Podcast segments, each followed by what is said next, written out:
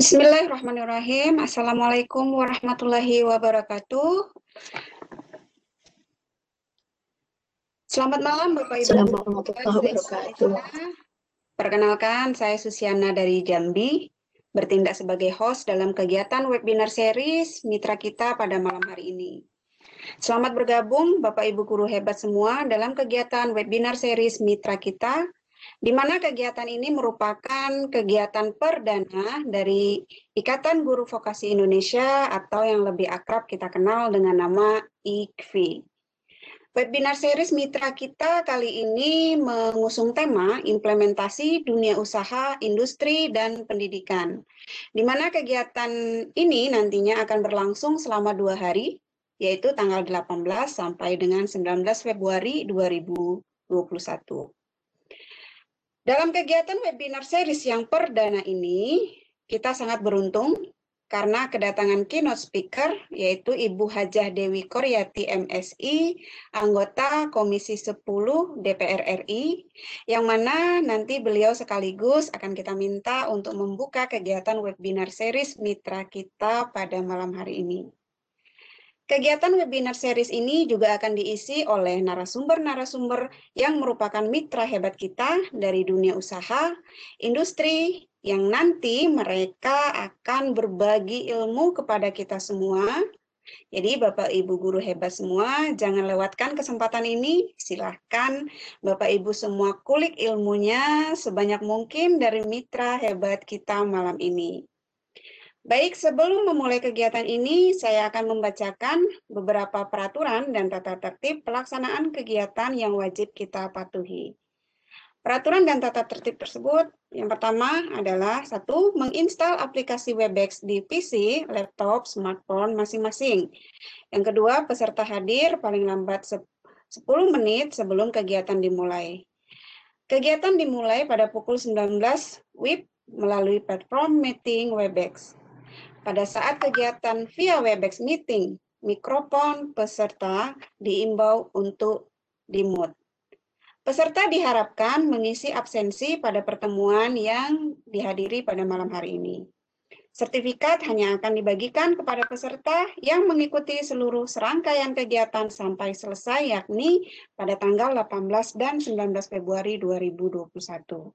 Demikian tata tertib ini hendaknya kita semua bisa mematuhinya agar kegiatan kita berjalan uh, secara lancar dan memberikan manfaat bagi kita semua. Selanjutnya saya akan membacakan urutan kegiatan pada webinar series kita pada malam hari ini. Berikut adalah rundown acaranya. Yang pertama, pembukaan yang sudah saya buka. Kemudian lagu Indonesia Raya, Berikutnya adalah pembacaan doa yang akan dipandu oleh Bapak Faisal ST. Berikutnya adalah keynote speaker, sekaligus pembukaan webinar series mitra kita yang akan dibawakan oleh Bu Hajah Dewi Koryati MSI, anggota DPR RI Komisi 10. Selanjutnya akan kita buka sesi tanya jawab. Kemudian kegiatan webinar series akan dipandu oleh moderator yaitu Bapak Muhammad Rifai. Dalam kegiatan ini kita ada dua pemaparan materi. Yang pertama itu materi e, mengenai strategi penjualan berbasis jaringan komunitas yang akan disampaikan oleh Bapak Insinyur Sugeng Wahono yang merupakan praktisi penjualan produk dan penggiat UMKM. Materi yang kedua adalah strategi membangun merek yang akan disampaikan oleh Bapak Eri Purbojo yang merupakan konsultan komunikasi pemasaran, MICE, dan penggiat UMKM. Selanjutnya kita akan membuka sesi tanya jawab yang akan dipandu oleh eh, moderator. Setelahnya nanti akan ada closing eh, menandakan acara kegiatan webinar series kita selesai untuk malam hari ini. Selanjutnya, mari sama-sama kita dengarkan lagu kebangsaan Indonesia Raya.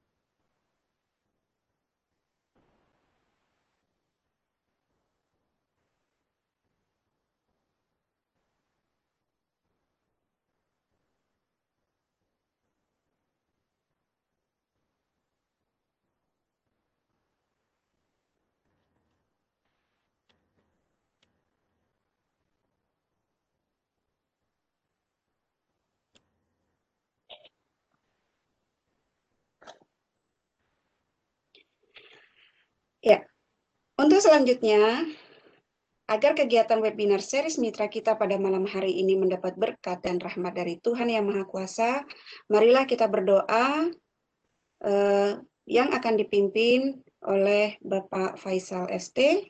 Kepada Bapak Faisal, saya persilahkan. Baik, terima kasih Bu Susi. Assalamualaikum warahmatullahi wabarakatuh. Untuk keberkahan acara kita, izinkan saya memimpin doa dengan cara Islam. Bapak Ibu hadirin sekalian, mohon berkenan untuk menyesuaikan dengan keyakinan masing-masing. A'udzu billahi minasyaitonir rajim. Bismillahirrahmanirrahim. Hamdan syakirin, hamdan na'imin. Rabbana lakal hamdu kama yanbaghi jalali wajhikal karimi wa 'azimi sultanik.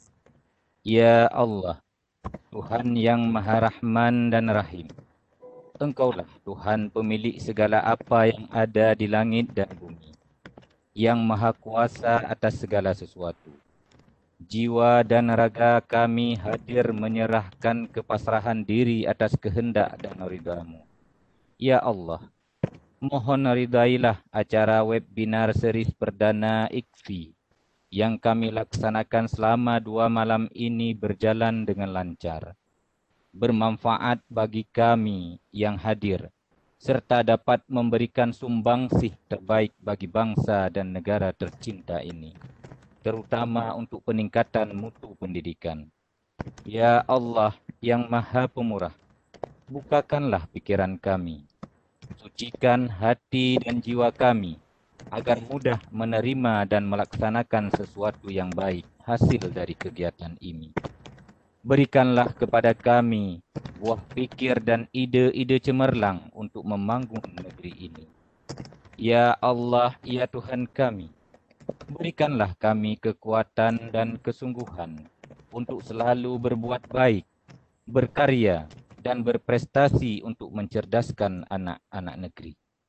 Ya Allah, Tuhan Maha Pengampun, ampunilah segala dosa-dosa kami, dosa ibu bapa kami, dosa guru-guru dan pemimpin kami. Pertemukanlah kami kelak dalam syurgamu yang penuh dengan kemuliaan.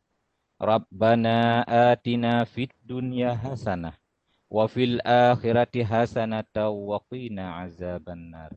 Subhana rabbika rabbil izzati amma yasifun. Wassalamun alal mursalin. Walhamdulillahi rabbil alamin. Wassalamualaikum warahmatullahi wabarakatuh. Waalaikumsalam warahmatullahi wabarakatuh. Terima kasih Bapak Faisal ST yang sudah memandu doa kita pada malam ini. Selanjutnya acara akan saya serahkan kepada Bapak Muhammad Rifai dari SMK Al-Habibatain Bumi Ayu Brebes selaku moderator yang akan memandu kegiatan webinar series kita pada malam hari ini. Kepada Bapak Muhammad Rifai, saya persilahkan.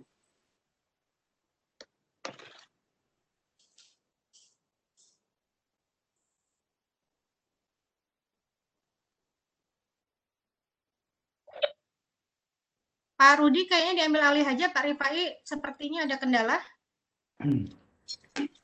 Baik, terima kasih. Uh, saya ucapkan kepada uh, pembawa acara atau host untuk malam hari ini di webinar series yang pertama kali uh, kegiatan perdana dari Ikatan Guru Vokasi Indonesia atau IKVI yang alhamdulillah pada malam hari ini sudah dihadiri oleh uh, lebih kurang 148 attendance yang mana seperti yang kita ketahui bahwa pendaftar alhamdulillah sebanyak 453 sampai sore hari tadi. Mudah-mudahan nanti sewaktu berjalan kita berharap seluruh peserta yang sudah mendaftar bisa bergabung bersama kita. Karena memang kita maklumi keadaan, cuaca, sinyal, dan segala macamnya. Baik, namun tidak mengurangi uh, dan lancar Nah, kegiatan kita pada malam hari ini, untuk yang pertama izinkan saya, Rudi Novindra, akan uh, memimpin jalannya uh, acara kita pada malam hari ini, di mana nanti kita akan bertemu dan akan berinteraksi dengan yang terhormat Ibu Hajah Dewi Koryati, MSI, selaku anggota DPR RI Komisi 10 dari fraksi PAN. Dan juga nanti kita akan berinteraksi dengan pemateri-pemateri kita dari industri, dunia usaha, dan dunia kerja. Atau yang pada malam hari ini dihadiri oleh Bapak dan Ibu dari konsorsium UMKM Satu Juang. Dan pasti kita semua sangat menanti-nanti apa-apa saja materi yang akan disampaikan. Seperti halnya sudah di uh, announce tadi oleh Ibu Susi di awal, beberapa materi. Namun sebelumnya Bapak dan Ibu, waktu dan kesempatan kita mintakan untuk uh, lebih cepatnya kegiatan kita pada malam hari ini dan sekaligus nanti kita mintakan kesediaan Ibu Hajah Dewi Koryati MSI untuk membuka acara kita pada malam hari ini. Kami persilahkan waktu sepenuhnya untuk Ibu. Dipersilakan Ibu. Baik, terima kasih. Bismillahirrahmanirrahim. Assalamualaikum warahmatullahi wabarakatuh. Selamat malam dan salam sejahtera untuk kita semua. Alhamdulillahirrabbilalamin. Wassalatu wassalamu ala asrafil anbiya wa mursalin wa ala alihi wa sahbihi ajma'in. Nama ba'du.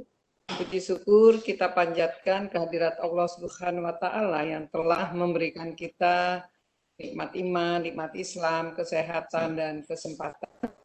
Sehingga pada malam hari ini, Alhamdulillah, walaupun di Jakarta hujan sekali, banjir di mana-mana, kita tetap bisa bertemu di sini, berkumpul untuk mengikuti webinar series perdana yang diselenggarakan oleh Ikatan Guru Vokasi atau disebut IKVI. Salam serta salawat kita sampaikan kepada junjungan kita Nabi besar Shallallahu Alaihi Wasallam, Nabi besar Muhammad Shallallahu Alaihi Wasallam yang telah membawa kita dari zaman kegelapan ke zaman reformasi. Yang kami hormati Ibu Umi Tira Lestari beserta seluruh jajaran pengurus IKFI dan tentunya seluruh guru-guru vokasi yang tergabung dalam webinar series perdana ini. Pertama-tama saya Dewi Koryati, anggota DPR RI dari fraksi Partai Amanat Nasional, izinkan mengucapkan selamat atas terbentuknya atau berdirinya Ikatan Guru Vokasi. Ikatan Guru Vokasi ini amat sangat penting, karena kalau tidak berkumpul, kalau bekerjanya sendiri-sendiri ibarat tidak ada akan gunanya. Tapi kalau berkumpul menjadi satu ikatan, maka daya dorongnya, daya jelajahnya, kemudian kerjanya akan berdampak baik pada diri sendiri dan tentunya insya Allah pada negara kita, pada anak-anak didik kita. Nah, Bapak dan Ibu guru, Pak Rudi di sini guru semua kan ya? Iya Bu, guru semua Bu, Alhamdulillah. Guru vokasi semua ya? Ya. Iya kan? Baiklah. Um, jadi berbicara, saudaraku, berbicara mengenai dunia industri dan usaha tentu tidak bisa lepas dari dunia pendidikan. Dunia pendidikan memegang peran yang sangat penting dalam keberlanjutan suatu industri dan usaha apa pun. Karena keberlanjutan suatu industri dalam menghasilkan outcome yang memiliki daya saing dan produktivitas tinggi sangat bergantung pada kualitas sumber daya manusianya. Begitu juga apabila kita bicara mengenai pendidikan, maka tidak bisa kita pisahkan dengan dunia industri dan dunia usaha. Dunia industri dan dunia usaha merupakan bagian besar dari kehidupan pasca sekolah atau kampus yang menjadi salah satu tujuan pendidikan itu diselenggarakan. Bapak dan Ibu Guru, saat ini dunia pendidikan kita, juga dunia usaha dan industri tentunya sedang menghadapi beberapa tantangan yang luar biasa besarnya. Satu yang masih berlangsung hingga saat ini adalah pandemi COVID-19. Pandemi COVID-19 telah membuat ekonomi dan juga dunia usaha dan dunia industri kita terperosok yang menyebabkan pengangguran meningkat. Menurut data Badan Pusat Statistik atau BPS, tingkat pengangguran terbuka TPT di Indonesia mengalami peningkatan selama masa pandemi menjadi 9,77 juta jiwa atau bertambah sebesar 2,67 juta jiwa dari sebelumnya. Hal ini membuat angka pengangguran terbuka menjadi 7,07 persen dari total angkatan kerja. Ini menjadi tantangan besar untuk kita semua. Bagaimana caranya agar industri serta usaha masyarakat seperti UMKM yang merupakan sektor penyerap tenaga kerja paling tinggi, yaitu sebesar 96,99 persen dari total tenaga kerja, bisa tumbuh kembali pasca pandemi COVID ini. Dalam hal ini, pendidikan khususnya pendidikan vokasi memegang peran yang penting dalam menumbuhkan kembali UMKM dengan keahlian kejuruannya, sehingga mempercepat pemulihan ekonomi seperti pada resesi tahun 1997 sampai 1959 dan 2008 sampai 2009 yang lalu. Sementara itu, tantangan besar yang kedua adalah sebentar lagi kita akan menghadapi bonus demografi di tahun 2030 mendatang penduduk usia produktif diperkirakan akan mencapai 70% dari total penduduk Indonesia. Oleh karena itu, perlu bagi kita mempersiapkan calon angkatan kerja saat ini dengan pendidikan yang berkualitas, agar nantinya mereka akan mengisi pasar dunia kerja dengan yang dengan kualitas yang sangat baik. Kualitas pendidikan menjadi kunci yang paling utama untuk membentuk kualitas sumber daya manusia. Pendidikan vokasi akan memegang peran yang sangat vital dalam menyambut bonus demografi mendatang. Karena pendidikan vokasi memang dirancang untuk menghasilkan lulusan yang siap kerja. Namun, ironisnya ini, kenyataannya, saat ini lulusan sekolah menengah kejuruan atau SMK justru menjadi penyumbang utama tingkat pengangguran terbuka yaitu 13,55 persen, disusul lulusan SMA 9,85 persen, dan juga diploma sebesar 8,08 persen. Adanya kebutuhan yang tinggi akan tenaga kerja disandingkan dengan fakta bahwa lulusan pendidikan vokasi banyak yang tidak terserap di dunia kerja mengindikasikan bahwa ada gap antara permintaan atau demand tenaga kerja oleh Dudi dan proses pendidikan kita saat ini. Diperlukan adanya perubahan dalam proses pendidikan kita. Saya dan anggota DPR RI lainnya, khususnya Komisi 10 yang lainnya, bersama pemerintah dalam hal ini Kementerian Pendidikan dan Kebudayaan, yang merupakan mitra kerja kami di Komisi 10, sangat serius dalam melakukan pengembangan pendidikan Salah satu hal yang masih menjadi PR dunia pendidikan kita adalah implementasi link and match atau taut sesuai antara dunia pendidikan dengan dunia usaha dan industri. Kami melalui Komisi 10 terus mendorong agar Kementerian Pendidikan dan Kebudayaan dapat mengimplementasikan link and match tersebut. Webinar pada malam ini merupakan bentuk implementasi antara Dudi dengan dunia pendidikan keterlibatan Dudi di dalam proses pendidikan kita akan sangat diperlukan agar lulusan yang memiliki kompetensi yang telah sesuai dengan standar Dudi. Saya melihat bahwa webinar pada malam hari ini mengundang berbagai praktisi yang ahli di bidangnya dari dunia usaha dan industri yang siap memberikan materi untuk semuanya. Saya juga melihat bahwa semua materi yang diberikan pada malam hari ini adalah materi-materi yang sangat diperlukan di dunia usaha dan industri, yaitu seperti membangun merek, teknik produksi, manajemen produksi, dan strategi penjualan. Webinar seperti ini harus sering dilakukan di luar pembelajaran formal untuk meningkatkan pengetahuan praktik dan soft skill kita semua dan semoga nanti ya materi-materi yang disampaikan nanti pada webinar malam ini menjadi modal kita untuk bisa menjawab tantangan dunia usaha pendidikan yang sudah saya sebutkan sebelumnya. Bapak Ibu guru yang kami cintai dan kami banggakan, kami pernah uh, studi banding ke Jerman waktu itu, ke Hamburg. kami melihat di sana bahwa dunia vokasi, bahwa SMK di Jerman itu memang adalah andalan mereka untuk mengisi dunia usaha dan dunia industri. Tetapi memang itu tidak dibangun dalam satu malam, tidak dibangun dalam satu bulan, tidak dibangun dalam satu tahun, tapi berpuluh tahun. Dan mereka sudah mempersiapkannya, pemerintah Jerman ini menyiapkannya sudah dari tahun 1960. Jadi kalau sekarang kita sedang baru memulai, jangan kemudian Bapak Ibu kemudian berputus asa, aduh ini kok udah satu tahun nggak ada kemajuan, dua tahun nggak. Karena memang ini bukan barang yang instan. Jadi tidak ada sukses yang instan kan. Bahkan membuat mie instan juga masih perlu usaha dengan cara menggodok airnya. Nah, di Jerman sendiri mereka itu waktu SMP, waktu kelas 2, mereka sudah harus mau memutuskan apakah sudah mau melanjutkan ke SMA atau mereka kemudian mau melanjutkan ke SMK.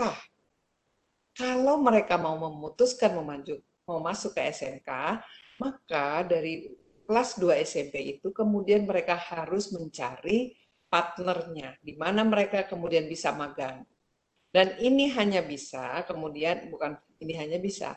Dan di sinilah kemudian Kadin berperan, Kamar Dagang Industrinya di sana berperan, kemudian menjembatani antara dunia usaha dengan dunia pendidikan. Nah, kalau mereka sudah bisa memutuskan dan dunia industrinya menerima, maka mereka baru boleh diterima di SMK. Dan kemudian nanti pelajarannya seperti eh, SMK maksudnya adalah 30-70, 30 teori, dan 70 mereka berada di eh, pabrik-pabrik tersebut. Apa yang menjadi keuntungannya? Keuntungannya mereka mendapatkan jadi keuntungan semua pihak.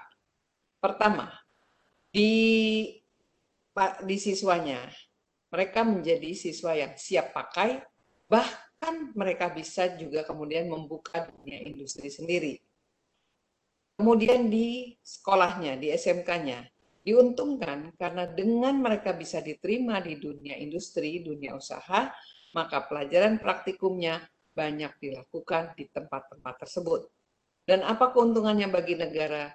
Negara juga diuntungkan karena mempersiapkan SDM yang unggul. Dan apa keuntungannya bagi dunia industri dan dunia usaha? Mereka mendapatkan karena setelah itu mereka akan bisa menyerap tenaga kerja yang sudah terlatih. Jadi memang semuanya diuntungkan simbiosis mutualisme. Tapi sekali lagi ini tidak instan dan ini harus disiapkan dan inilah yang sedang kemudian Kementerian Pendidikan dan Kebudayaan menyiapkannya melalui Merdeka Belajar yang masih dalam proses ya, belum masih dalam proses, maksudnya masih persiapan. Nah, kita berharap nanti ke depan bahwa benar-benar dunia uh, apa sekolah menengah kejuruan ini kemudian menjadi penyumbang tenaga kerja yang siap pakai. Bahkan yang kedua, mereka bahkan bisa kemudian membuka dunia usaha. Uh, Bapak dan Ibu, uh, ada kalau kita sekarang kan tergabung dalam Ikatan Guru Vokasi ya, IKVI.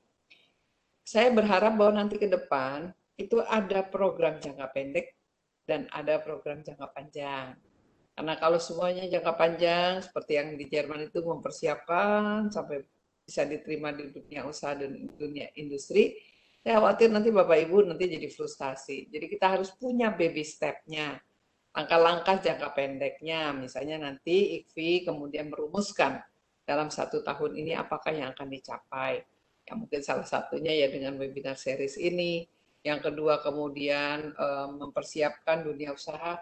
Ya, Bapak Ibu, kita tidak lagi tidak diuntungkan karena masa pandemi COVID lebih banyak yang kolaps daripada yang berdiri. Tapi mungkin juga kita harus mengambil keuntungannya adalah mari bersama-sama kemudian membuka lapangan pekerjaannya. Nah, saya berharap nanti Bapak Ibu uh, guru vokasi yang terdalam, tergabung dalam IKVI ini kemudian merumuskannya bagaimana mensupport pemerintah dalam hal ini Kementerian Pendidikan dan Kebudayaan kemudian menyiapkan mahasiswa eh, siswa-siswanya menjadi siswa yang memang siap pakai tadi kemudian atau bahkan membuka lapangan pekerjaan, sehingga di bonus demografi akan dihadiri atau diisi oleh anak-anak yang berkualitas, dan tadi kemudian eh, SMK nanti akan leading di atas dan kemudian eh, penyerapan tenaga kerjanya akan lebih. Dari saya demikian sekali lagi selamat Bapak Ibu yang tergabung tergabung dalam IKFI. Mari bahu membahu bersama kita semua sehingga kita sama-sama akan mendorong memajukan sekolah menengah vokasi. Bilahi taufik wal hidayah. Wassalamualaikum warahmatullahi wabarakatuh. Saya kembalikan ke moderator. Waalaikumsalam warahmatullahi wabarakatuh. Terima kasih. Baik, terima kasih kita ucapkan kepada Ibu Haja Dewi Koryati uh, yang sudah memberikan sambutan di hadapan kita semua pada malam hari ini. Dan sekaligus memberikan uh, beberapa arahan serta pandangan-pandangan di depan kita semua tentang bagaimana uh, guru-guru vokasi di dalam menyambut ada yang dikatakan kalau Ibu Dewi tadi bisa dikatakan sebagai bonus, bahkan ada juga yang disebut sebagai tantangan seperti yang sedang berlangsung saat ini yaitu uh, pandemi COVID-19. Akan tetapi kita uh, tidak boleh untuk uh, patah semangat untuk tetap berkarya, berbuat untuk kebaikan uh, terutama di dalam dunia pendidikan kita. Sebagaimana janji uh, panitia dan kita sudah kedatangan tamu istimewa pada malam hari ini.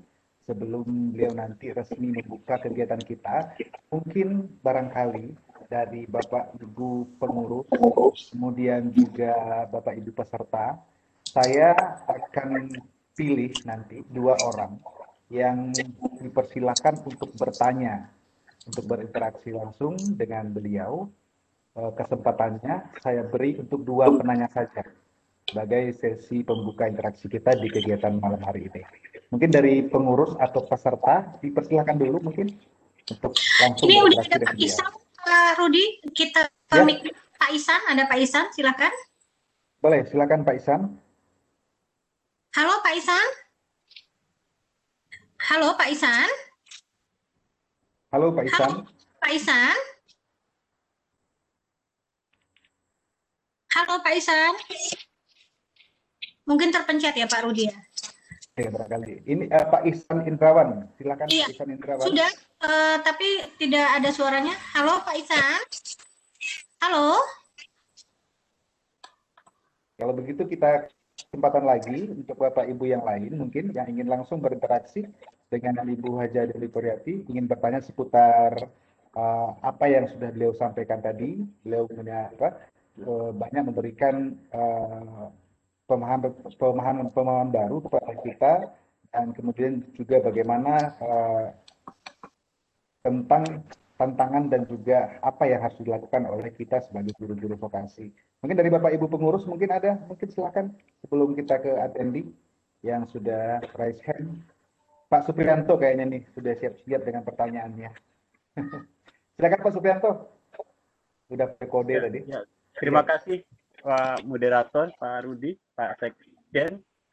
Terima kasih saya Supriyanto Ibu Kori Supriyati dari pengurus dari pusat Ikatan Guru Vokasi Indonesia dari Parigi Motong Sulawesi Tengah Ibu. Jadi saya guru di SMK 1 Sinyo, Kecamatan Sinyo, Kabupaten Parigi Motong Sulawesi Tengah. Alhamdulillah saya bisa berkesempatan bertatap muka dengan walaupun dengan eh, daring ini Bu dengan Ibu Dewi Kuryati anggota Dewan yang terhormat. Saya berterima kasih sudah difasilitasi untuk eh, bisa berbicara di depan Ibu sekalian, depan Ibu. Ibu Dewi yang kami hormati, eh, ini hal yang paling baik untuk kita sekalian sebagai kami sebagai pengurus Ikatan Guru Vokasi Indonesia yang bisa berkomunikasi langsung. Harapan kami adalah ke depan ini, ini adalah awal kita bercerita insya Allah, awal kita jalin komunikasi, kita berharap eh, Ibu bisa mensupport nanti beberapa kegiatan-kegiatan ataupun program-program yang akan kita gagas dengan teman-teman semua di Indonesia ini, Ibu. Tentu saja bagaimana uh, menghadapi yaitu peluang dan tantangan kita sekaligus menghadapi beberapa uh, kegiatan ataupun jenis tantangan dari program-program vokasi ke depan karena memang uh, dunia vokasi sudah sekarang menjadi dunia paling uh, dunia yang sangat didambakan kita sekalian. Kita tahu bahwa uh, dari Kementerian Dinas Pendidikan, eh Kementerian Pendidikan Nasional dirilis bahwa lulusan terbanyak atau pengangguran terbanyak itu masih disuplai oleh teman-teman vokasi atau SMK.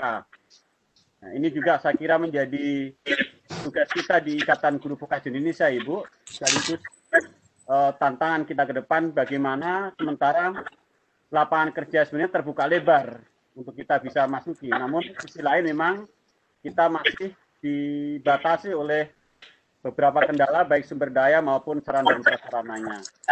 Apalagi kita di Sulawesi Tengah ini tentu saja masih banyak sekali beberapa kendala-kendala khususnya berkaitan dengan sumber daya guru-guru vokasi kita kita lihat vokasi guru vokasi kita Bu rata-rata di Sulawesi Tengah itu hasil dari keahlian ganda.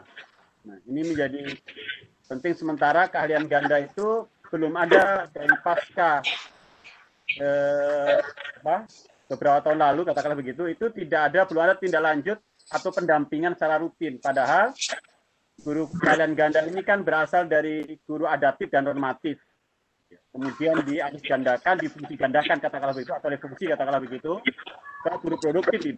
Sehingga eh, harus ada pendamping secara terus menerus ke penguatan-penguatan eh, secara kontinu dan seterusnya. Walaupun memang eh, secara mandiri kita lakukan eh, program itu. Jadi saya kira Bu ini salah satu hal yang mungkin menjadi eh, apa namanya menjadi prioritas kita di Ikatan Guru Vokasi di samping itu tentu hal lain yang akan teman-teman juga akan lakukan Bu. Oleh karena itu saya kita berharap Ibu bisa apa namanya kan bersama-sama dengan Ikatan Guru Vokasi Indonesia ini Ibu untuk kita merajut komunikasi secara baik-baik dalam bidang apa saja, apa dalam program apa saja yang berkaitan dengan tentunya memajukan kita di vokasi Indonesia. Terima kasih Ibu dan teman-teman sekalian kita bisa bertua di tempat ini. Sekian, Assalamualaikum warahmatullahi wabarakatuh. Waalaikumsalam warahmatullahi wabarakatuh. Baik, terima kasih uh, Pak Suprianto yang ada di Sulawesi Tengah. Apa ada Ibu Umi yang itu dari attendant? Tidak ada Pak. Oke, okay. mungkin langsung kita berikan uh, tanggapan mungkin oleh Ibu Dewi Koryasi. Pada Ibu kita persilahkan Bu. Ya, baik. Terima kasih Bapak Rudi. Uh, pertama Salam kenal Pak untuk Pak Suprianto di Sulawesi Tengah. Dan ini saya ingin menyampaikan untuk semuanya karena mumpung ini adalah organisasi baru sehingga eh, ingin menyampaikan strategi. karena kalau nggak pakai strategi nanti perjuangan kita akan memakan waktu yang panjang. Yang pertama, mohon kiranya pakai apa namanya nih seorang anggota dewan itu punya tiga fungsi yang pertama adalah fungsi anggaran yang kedua adalah fungsi pengawasan dan yang ketiga adalah fungsi pembuat undang-undang. Nah bapak ibu guru dalam hal ini kami ada 54 orang di komisi 10 kalau saya dengan Pak Rudi kami dari Bengkulu. Kalau Pak Supriyanto itu ada Pak dari Sulawesi Tengah namanya Ibu Sakinah Alju. Jadi saya ingin sampaikan kepada seluruh kota maupun pengurus IKTI, kenalilah anggota-anggota dewan yang berada di Komisi 10. Partai apa pun. Karena kalau sudah di Komisi 10, kami namanya adalah Partai Komisi 10 karena kami sama-sama berjuang untuk pendidikan.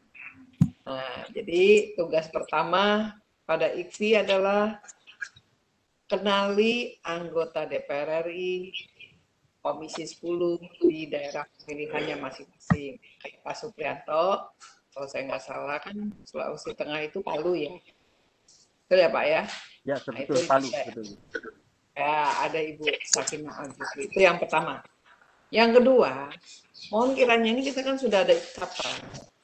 Ambil isu yang strategis yang di, kemudian didukung bersama-sama. Jadi jangan terlalu banyak variasi. Nanti di Sulawesi Tengah maunya tempe, kemudian di Bengkulu maunya tahu. Jadi nggak cocok. Jadi mari kita kemudian sama-sama tiga isu yang ingin disampaikan. Misalnya soal apa.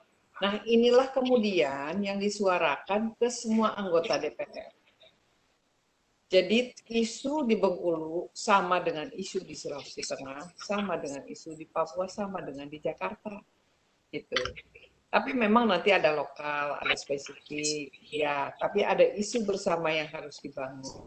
Nah ini yang kemudian nanti disampaikan ke para anggota dewan. Bapak Ibu, kalau anggota dewan itu adalah kebijakan. Jadi kami ini nanti yang bisa mendorong untuk menyampaikan kepada Kementerian Pendidikan Kebudayaan, yang kemudian nanti bersama-sama, kemudian nanti Bapak Ibu yang menikmati ataupun sebagai penggunanya. Nah, kalau sudah itu dilakukan, punya isu bersama yang ingin dicapai, kemudian eh, apa sudah mengenali anggota dewannya. Ini sekarang kami masa reses. Masa reses itu adalah masa belanja masalah. Jadi masalah di SMK di Bengkulu itu yang kemudian saya catat. Contoh, kalau di Bengkulu itu, kemarin saya baru meresmikan Center of Excellence di SMK swasta 6 di Curug. Belanja masalahnya adalah mereka kekurangan guru-guru untuk misalnya kecantikan, kan ada SMK kecantikan, kemudian ada eh, yang lain-lain itu. Ini kemudian menjadi belanja masalah yang nanti akan saya sampaikan waktu kami berrapat dengan mitra kami yaitu Kementerian Jadi saya harap nanti ini dipakai, ini masa reses, inilah saatnya Bapak Ibu menemui anggota dewannya masing-masing dan sampaikan masalahnya apa. Tapi jangan pernah kemudian menyampaikannya soal nih Bu, kita ini yang berhubungan sama uang secara besar, maksudnya gini, secara natural yang kelihatan. Tapi sampaikanlah kepada mereka, kepada kami, yaitu adalah hal-hal yang hal-hal politis yang harus kami dorong di dalam rapat kami dengan para kami, gitu ya. Misalnya kalau ada kesulitan Bu Dewi ini dikit ya, misalnya sarana dan prasarana. Ini kan masalah umum se-Indonesia Raya ya itulah. Gimana SMK mau menghasilkan lulusan yang berkualitas kalau kemudian sarana dan prasarananya enggak bagus gitu ya. Nah ini kemudian nanti di, disampaikan tugas kami adalah kemudian menjadi wakil bapak dan ibu menyampaikan lagi kepada mitra kami. Nah, ini yang saya ingin sampaikan, mumpung sekali lagi nih organisasi ini saya sangat berbahagia, karena menurut saya kalau sudah dalam tergabung dalam satu wadah, maka kita akan mempunyai daya dorong yang biasa. Saya rasa demikian Pak Indra, eh Pak Indra, Pak Rudi, saya kembalikan ke Pak Rudi. Kalau sudah tidak ada, saya mau undur diri ini kan. Baik, Ibu, terima kasih uh, atas tanggapannya, pertanyaan dari Bapak Suprianto. Uh, masih ada satu lagi, boleh diizinkan, Bu? Baik, silakan. silakan. Iya, satu lagi, Bu. Tadi ada Pak Hendra Budi Sugiarto tadi yang raise hand. Kami persilakan Pak Hendra langsung berinteraksi dengan Ibu Dewi. Silakan Pak Hendra. Silakan Pak Hendra. Halo, Halo, Pak Hendra. halo, halo, Iya, silakan Bapak. Silakan. halo. Assalamualaikum warahmatullahi wabarakatuh, Ibu. Waalaikumsalam warahmatullahi wabarakatuh. Ya, perkenalkan Ibu, Ibu anggota Dewan, Ibu Dewi Koryati. Saya Hendra Budi Sugiarto, Ibu. Eh, kebetulan saya juga pengurus eh, Ikatan Guru Vokasi Indonesia bersama teman-teman Bu Umi, Pak Rudi. Saya dari SMK Negeri 1 Kamal, Kabupaten Bangkalan, Madura, Jawa Timur, Ibu. Kebetulan memang sekolah saya itu di daerah kecamatan. Lah, yang saya ingin tanyakan seperti yang disampaikan oleh Pak Suprianto tadi itu memang betul sekali Bu, apalagi siswa kami input atau outputnya itu terutama outputnya dari sekolah kami yang di pelosok itu memang eh, kebanyakan memang eh, penganggurannya itu lebih banyak gitu. Lah uh, dari kebijakan nanti dari Kemendikbud juga dari nanti dari Ibu selaku anggota dewan di Komisi 10 DPR RI mungkin bisa menjembatani masalah uh, tiap tahun yaitu seperti uh, seperti yang disampaikan Pak Rudi tadi itu ya seperti itu Pak Bu uh, permasalahan kami yaitu ketertinggalan kami di uh, semua sektor, terutama bidang pekerjaan. Kebanyakan itu memang uh, siswa kami itu dalam bekerja itu tidak sesuai dengan kompetensi keahlian yang dipilih pada saat uh, sekolah di SMK. Misalnya, kebetulan saya mengajar otomotif lah, saya tanyakan ke siswa kami, kalian kerja di mana? Enak kerja di Indomaret atau Alfamart? Karena kalau kerja di bengkel atau menjadi mekanik panas, Pak. Lah, ini yang jadi permasalahannya. Lah, padahal itu uh, sesuai dengan kalau nggak salah instruksi pemerintah itu melalui Dirjen Vokasi, juga Dirjen GTK dan sebagainya itu bahwasannya siswa itu harus uh, outputnya itu sesuai dengan kompetensi yang uh, pada saat uh, menja uh, menjalani sebuah pembelajaran di sekolah. Nah, siswa kami kebanyakan khususnya di daerah Madura itu uh, kebanyakan uh, merantau, tidak bisa, tidak pernah mengembangkan potensinya di asal daerahnya sendiri terutama Bangkalan khususnya dan Madura pada umumnya. Nah, itu menjadi permasalahan kebanyakan merantau ke Jakarta, terutama ke Jakarta, karena ke Jakarta selaku ibu kota janjikan, itu ibu. Itu permasalahan kami di daerah, terutama di eh, Madura pada umumnya dan Bangkalan pada khususnya itu. Terima kasih. Baik, terima kasih dari kami. Baik, terima kasih Pak Hendra Budi Sugiarto dari Bangkalan Madura. Mungkin bisa langsung direspon Ibu Dewi, silakan Bu. Baik, Pak Rudi, terima kasih uh, Pak Hendra Sugiarto STMPD. Assalamualaikum warahmatullahi wabarakatuh. Salam kenal juga dan mudah-mudahan ini adalah pertemuan kita yang pertama tapi bukan yang terakhir ya Pak. Gak kayak lagu ya.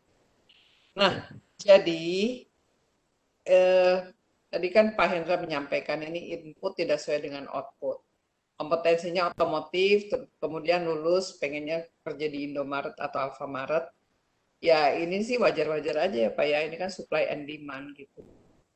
Dan, dan kita tidak bisa kemudian memaksakan kalau memang ini kemudian tidak menjadi hal yang menarik bagi mereka. Ini yang masalahnya. Misalnya otomotif tadi disampaikan. Kalau kemudian ada kerjasama yang baik dengan dealer, misalnya dengan Suzuki, eh, saya nggak boleh menyebut produk ya. Ada kerjasama yang baik, misalnya dengan otomotif apa, dan kemudian berharap bahwa nanti kalau sudah mereka magang di perusahaan tersebut, kemudian mereka akan diterima di perusahaan tersebut. Itu kan yang kita harapkan. Jadi adanya link and match-nya di situ. Nah, inilah yang kemudian kita rumuskan bersama-sama supaya hal tersebut bisa ter. Yang kedua, yang kedua adalah kemudian saya rasa juga butuh motivasi yang kuat dari para guru-guru untuk kemudian membuat mereka yang lulus itu bersedia atau mau bekerja di bidangnya masing-masing. Karena nggak bisa juga memaksakan Pak, misalnya gini, bekerja di suatu perusahaan A akan lebih besar gajinya daripada di suatu perusahaan B walaupun yang B itu tidak yang A itu tidak sesuai dengan kompetensinya Nah, sekarang kita bagaimana kemudian yang sesuai dengan kompetensinya, waktu dilempar ke pasaran, kemudian itu menjadi memiliki nilai jual yang lebih. Nah, mari mulai dari sekarang kita perbaiki itu. Yang perlu disampaikan sekarang oleh saya adalah karena Bapak Ibu sudah tergabung dalam ikatan guru, maka kalau Bapak Ibu berpadu bersatu padu memikirkan gimana tekniknya, saya rasa itu akan lebih mengena. Yang kedua, dengan Bapak Ibu bersatu padu, satu hal tadi, membangun isu yang sama, membuat para anak didik kita lulus dengan nilai yang lebih baik, maksudnya nilai jual yang lebih baik, atau bahkan mereka membuka lapangan pekerjaan sendiri, itu akan lebih baik dan akan memberikan dampak yang positif dan inilah yang dicita-citakan kita semua karena kita menyelenggarakan sekolah vokasi. Jadi Bapak Ibu, sekali lagi yuk mari sama-sama, ini awalan yang sangat baik, dan kemudian sampaikanlah harapan tersebut kepada para anggota Dewan dari Komisi 10, kalau dari Pak Rudi bisa ke saya, atau kita diuntungkan dengan webinar ini, nggak peduli dari Sulteng, nggak peduli dari apa, apakah ini badai apa enggak, kita tetap bisa bertemu di sini. Jadi nanti ke depan bisa undang teman-teman saya yang lain sehingga kita sama-sama semua nanti bisa berkomitmen untuk bersama meningkatkan kualitas dari SMK. Alhamdulillah. Pak Rudi masih ada satu lagi dari NTB dari Pak Sultan ya satu lagi Bu dari NTB Bu. Oh iya maka Pak. Ya silakan Pak Sultan. Satu lagi. Halo Pak Sultan. Benar-benar. Pak Sultan. Halo. Ya silakan Pak. Ya, Pertanyaannya cepat dan padat ya, Ya. Pak. Ya. Ya. Bismillahirrahmanirrahim. Assalamualaikum warahmatullahi wabarakatuh. Waalaikumsalam. Wabarakatuh. Nah, terima kasih sudah diberikan kesempatan untuk saya. Nah, perkenalkan saya Sultan dari SMK Yusuf Abdul Satar, Kediri, Lombok Barat, NTB. Nah, kami ada sedikit yang mau ditanyakan sama Ibu nah, mengenai kami dari SMK swasta yang mana kami eh, agak kesulitan untuk eh, apa namanya setelah anak-anak ini selesai untuk eh, seperti pertanyaan Bapak tadi itu masalah pekerjaan. Nah, di, di kami jurusan yang ada itu TPSM dan rekayasa perangkat lunak. Tapi eh, background kami di yayasan ini terutama ini tahfizul Quran. Nah, kira-kira kalau untuk pemagangan atau pekerja anak-anak ini yang sesuai dan yang nyocok itu dari pandangan Ibu yang seperti apa? Nah, mungkin itu yang bisa kami tanyakan. Sekian, Assalamualaikum warahmatullahi wabarakatuh. Waalaikumsalam. Langsung Pak Rudi. Baik Ibu, silakan Ibu. Ya, saya ingin bertanya dulu ya Pak Sultan dari NTB. Tadi ini saya agak bingung antara tahfizul Quran itu apanya ya? Lembaganya atau ataukah lulusannya harus tahfiz atau gimana? Boleh dijelaskan, Bentar. Oh, bukan. Eh, yang jadi ikon kami di sana karena SMK ini kan bernaung di yayasan dan eh, background yang utama di pondok kami itu tahfiz, Bu. Tapi alhamdulillah kami eh, satu-satunya tahfiz yang di, mungkin di NTB yang SMK-nya ah, langsung eh, menjadi satu dengan tahfizul Quran. Eh, Nah, kira-kira kalau kalau sis- siswanya itu juga diminta untuk menjadi tahfiz nggak? Eh, nah, oh bukan, karena kami lebih eh, sekian persen lebih 85 persen siswa kami itu mondok.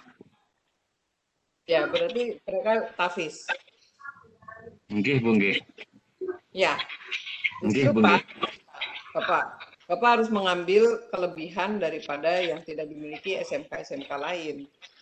SMK Bapak berarti adalah pondok, berarti kan mahasiswanya siswanya itu semua rata-rata haf punyalah hafalan Qurannya. Betul kan Pak Sultan? Nggih, Bu, nggih. Ya kan? Nggih, Mengaji lancar, begitu kan? nggih, Bu, nggih. Nah, itulah kelebihan yang dimiliki yang kemudian itu adalah tambahan nilai jualnya dari anak tersebut. Nah, kalau ditanya ini, ma mohon maaf ini saya dijelaskan dulu TBSM itu apa ya Pak? Eh, teknik bisnis sepeda motor. Oke, berarti itu untuk soal sepeda motor kan? Kemudian Oke, kalau rekayasa peringkat lunak tuh perangkat lunak itu apa ya? Has, nantinya jadi Eh, apa? eh, membuat aplikasi, Bu. Oh, jadi programmer gitu? Nggih, Bu, nggih. Ah, ya Pak. Jadi kalau Bapak tanyakan pada saya nih, terus misalnya cocoknya jadi apa ya? Pertama ya tentu sesuai tadi disampaikan oleh teman-teman bahwa input harus output harus sesuai dengan input. Tetapi, nah kelebihan daripada SMK Bapak adalah bahwa mereka itu rata-rata punya pendidikan agama yang baik. Nah, ini kan menjadi nilai lebih. Jadi kalau satu perusahaan kadang-kadang membutuhkan juga orang yang kemudian bisa membaca doa gitu kan. Bisa Nggih. ngajar-ngajar. Iya, itulah kelebihannya, Pak. Bapak tahu nggak dulu ya, saya eh, zaman dulu itu suatu perusahaan mencari atlet-atlet. Jadi atlet tersebut nanti yang untuk bertanding itu adalah nilai kelebihannya di mereka. Nah, saya rasa juga ini satu kelebihan dari SMK Bapak. Tapi kalau ditanya bagaimana bersaing antara tem, eh, antara SMK Bapak dengan SMK negeri, nah ini yang perlu dipertanyakan. Karena sarana dan prasarananya saya nggak tahu apakah nanti sama dengan SMK yang lain. Misalnya gitu. Apakah kerja sama Bapak dengan perusahaan otomotif, suatu apa penjual sepeda motor dan sebagainya. Apakah Bapak punya kerjasama nggak dengan mereka? Nah, kalau saya lihat kan SMK-SMK di Bengkulu misalnya, mereka ada kerjasama dengan perusahaan-perusahaan yang memproduksi motor. Sehingga waktu mereka lulus, mereka bisa diterima di perusahaan tersebut. Nah ini. Jadi butuh nanti penguatan SDM dari eh, SMK di Bapak itu SMK Yusuf ya kalau nggak salah. Nah, tapi sekali lagi pendidikan agama ini nanti yang akan menjadi kelebihan daripada hasil uh, lulusan dari SMK Bapak itu. Karena saya itu jawabannya Pak. Terima kasih. Baik, terima kasih eh, kita ucapkan kepada Ibu Dewi. Baik Bapak Ibu hadirin yang saya hormati, tentu bak- akan banyak sekali pertanyaan yang akan muncul. Namun eh, kita akui mungkin eh, waktu eh, yang sangat terbatas karena kita juga masih punya agenda eh, sesi selanjutnya dan juga Ibu Dewi tentu punya kesibukan eh, lain untuk malam hari ini. Akan tetapi Bapak dan Ibu, mudah-mudahan seperti yang tadi disampaikan Ibu Dewi barusan, ini bukan pertemuan yang terakhir dan insya Allah akan ada sesi-sesi berikutnya bersama beliau dengan eh, kawan-kawan di eh, Ibu Dewi yang ada di Komisi 10 nantinya. Mungkin akan beliau bawa mungkin rame-rame. Atau barangkali kita semua guru vokasi diundang ke rumah rakyat tersebut Bapak dan Ibu. Mudah-mudahan saja. Amin. itu kami mengucapkan terima kasih banyak atas kehadiran Ibu Dewi yang sudah menyempatkan untuk dapat hadir bergabung bersama kami pada malam hari ini di kegiatan webinar series dengan program kita adalah dinamakan Bu Dewi Mitra Kita. Nah, sengaja, jadi sengaja mitra kita ini kita berkolaborasi dengan dunia industri, dunia usaha, dan dunia kerja. Dan nanti di output acara ini adalah ada adanya penandatanganan atau kerjasama berupa MOU antara sekolah dengan mitra industri seperti itu. Dan setiap bulan insya Allah acara ini akan kita gagas dan akan kita list industri-industri yang akan mau mensupport, mau menyumbang tenaga dan pikirannya, bahkan menerima siswa-siswa kami di sekolah bisa magang di industri-industri yang bergabung di mitra kita. Untuk itu kami ke depan mohon supportnya Ibu Dewi dan juga jika ada mungkin kesempatan mohon kami diinformasikan apa saja terkait kegiatan-kegiatan yang bisa kita sinkronkan Bu Dewi. Begitu Bu Dewi, terima kasih banyak. Baik, saya ingin memberikan kata akhir. Baik Ibu. Sekalian pembukaan Ibu. Oh, belum. Iya. Membuka terus mengakhiri. Juga ya. Baiklah Bapak dan Ibu yang saya hormati dan saya cintai, pengurus Ikatan Guru Vokasi atau disebut IGTV dan seluruh anggota IGTV dengan mengucapkan Bismillahirrahmanirrahim dan berharap ridho dari Allah Subhanahu wa Ta'ala, maka webinar series perdana implementasi dunia industri, dunia usaha dengan resmi. Alhamdulillah. Terima kasih Ibu. Dan Bapak dan Ibu, dalam kesempatan ini pertama tadi saya mengucapkan terima kasih atas undangannya dan terima kasih saya diperkenankan bergabung di IG IGV.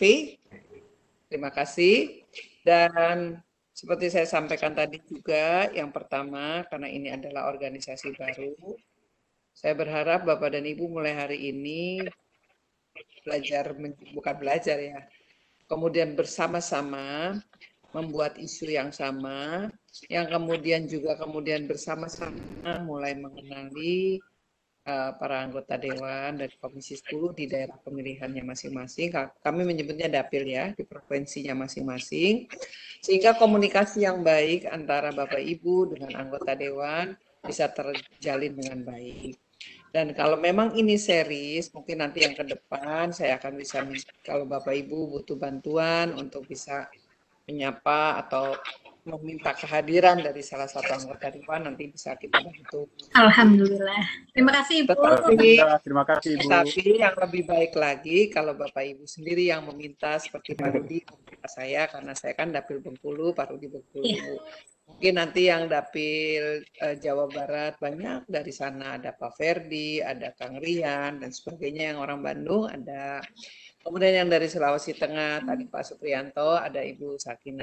Kalau mereka diminta oleh Bapak dan Ibu, dari dapilnya masing-masing, itu akan lebih menyatu dan merasa menjadi bagian daripada IG. Nah, Insya Allah Ibu. Yang terakhir, eh, komunikasi yang baik di antara kita, yang lancar, dan berikanlah kepada kami kemudian isu-isu ataupun harapan-harapan yang kemudian nanti bicarakan atau menjadi bahan kami untuk uh, kami rapatkan dengan kementerian mitra kami sehingga isu yang kami bawakan itu sesuai dengan Bapak yang Ibu inginkan.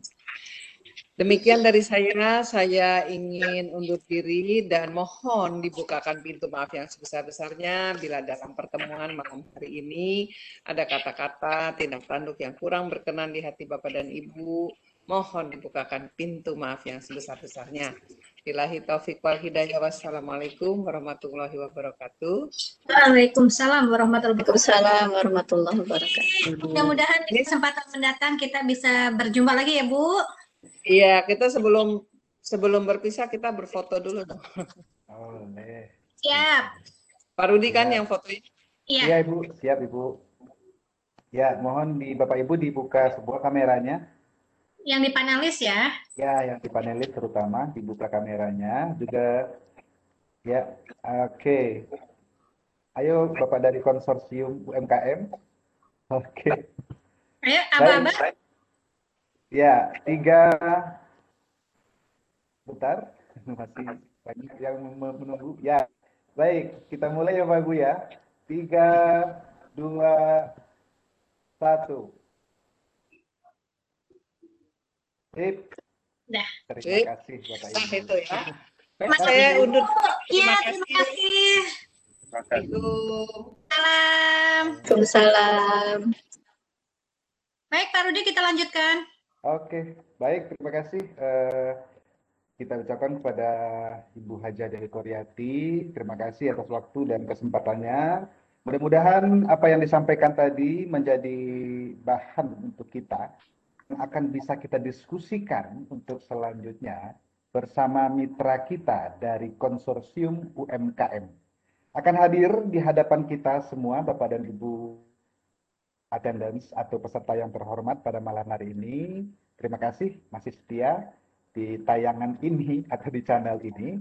Kita akan segera menghadirkan pemateri-pemateri hebat kita untuk memaparkan materi-materi pilihan pada malam hari ini.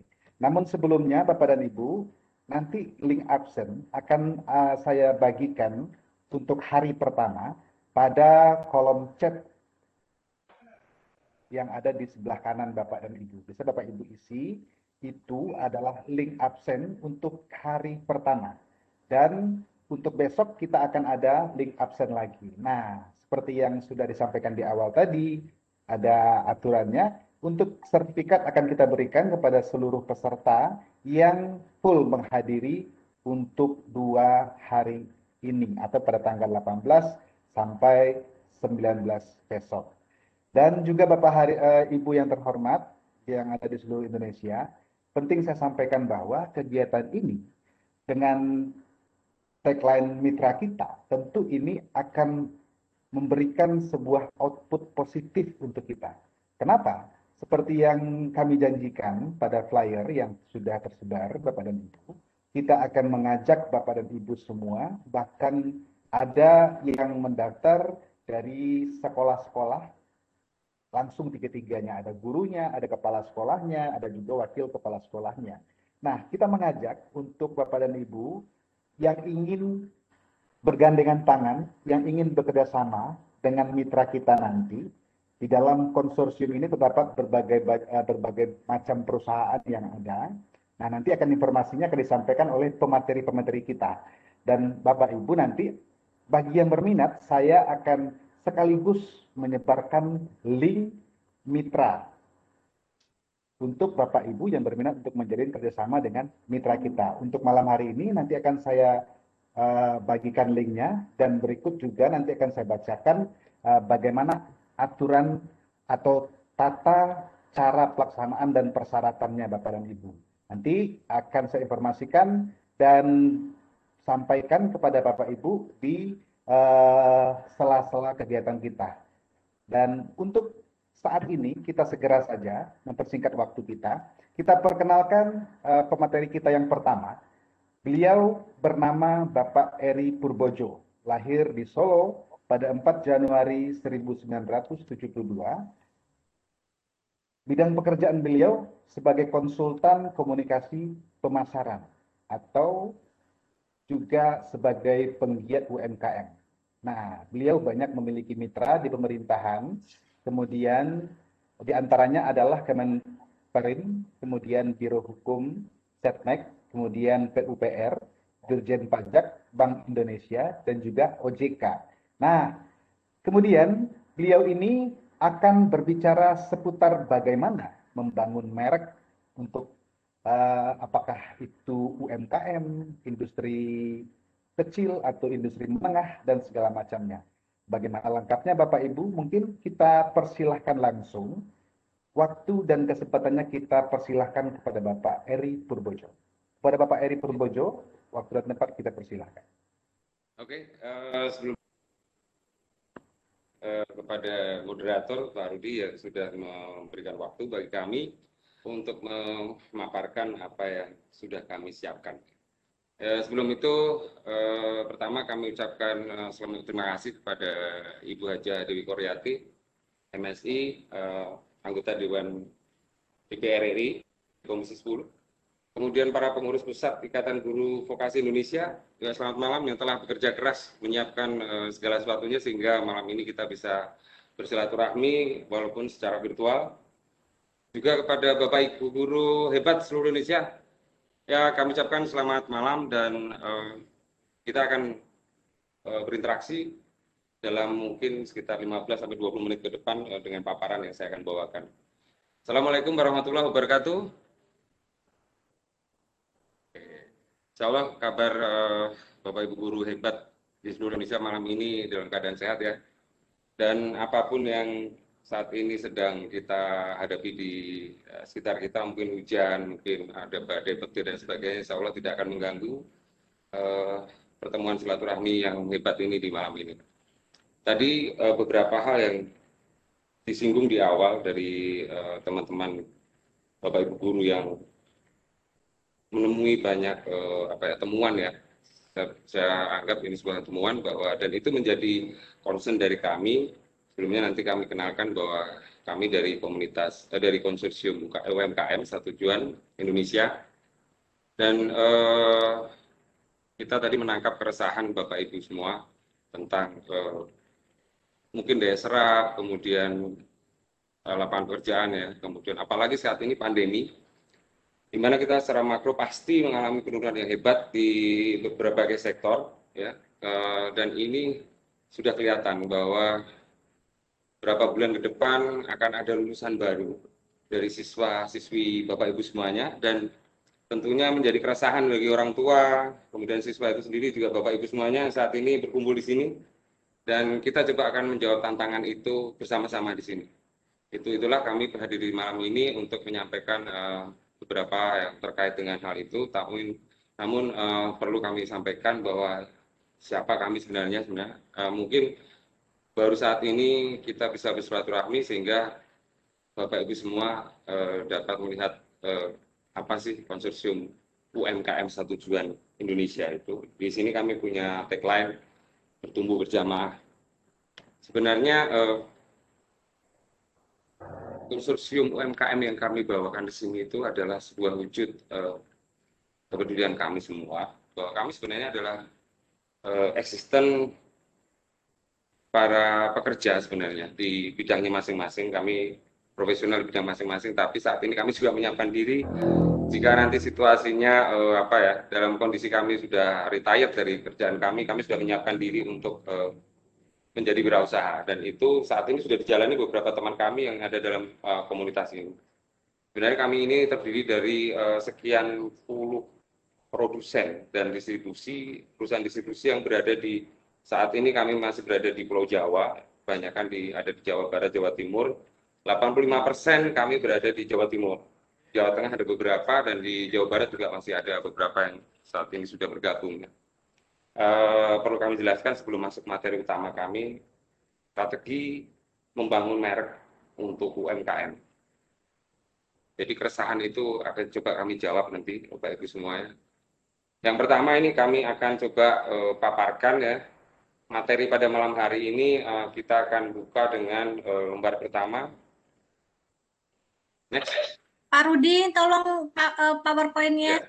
Sebentar. Saya sendiri, saya pribadi memang uh, orang yang ingin menularkan sesuatu ya suatu virus yang yang mungkin selama ini eh, dianggap eh, cerita tentang bahwa mencapai sesuatu itu harus melalui kesuksesan itu harus dengan sekolah yang tinggi dan sebagainya. Bukan ini bukan eh, mengajak teman-teman semua, maksudnya para siswa nanti itu untuk menjadi tidak sekolah itu bukan. Tapi saya ingin menyampaikan bahwa dalam kendala seberat apa pun kita tuh tidak boleh menyerah dan itu saya membuktikan pribadi bahwa uh, ingin menularkan ke bapak ibu semua supaya ini juga ketahui siswanya bahwa saya bekerja di bidang formal pun tidak memerlukan suatu uh, ijazah. Dalam hal ini kita bekerja dengan pengalaman yang kita miliki dan itu juga ternyata memiliki uh, daya saing yang tidak kalah dengan apa yang dimiliki oleh teman-teman yang memiliki uh, ijazah dan uh, pendidikan yang lebih baik. Itu yang sebenarnya kami tularkan ya. Kemudian uh, next mungkin kami ingin sampaikan yang pertama, next ya, kita punya quick quiz nih uh, supaya nggak terlalu tegang nih, bapak ibu semuanya. Quick quiznya sederhana. Kita pengen bermain sedikit uh, tentang brand ya. Yang per, uh, di sini cuma tulis jawaban bapak ibu semuanya di chat box ya.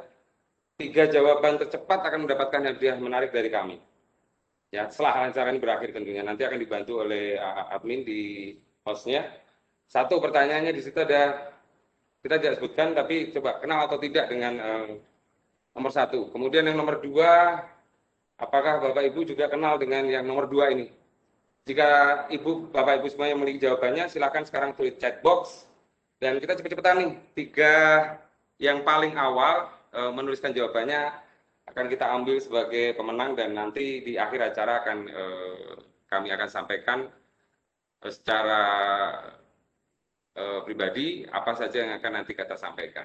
Tapi yang jelas itu menarik dan kita harapkan di awal ini bisa memecah keheningan malam ini Bapak Ibu semua sekarang sedang mengetik ya kira-kira jawaban apa eh, yang saat ini ada di chat box. Tapi tidak menunggu itu, kami nanti kita akan lihat jawabannya tapi yang jelas ini berkaitan dengan apa yang ingin kita sampaikan. Ya, terlepas dari uh, kenal atau tidak, Bapak Ibu semuanya pasti uh, melihat bahwa yang saya tulis di atas ini mungkin ada satu pertanyaan kecil di hati ibu-ibu semua atau bapak ibu semuanya. Apa sih itu yang di nomor satu gitu kan? Itu penulisan yang salah atau memang eh, saya sengaja?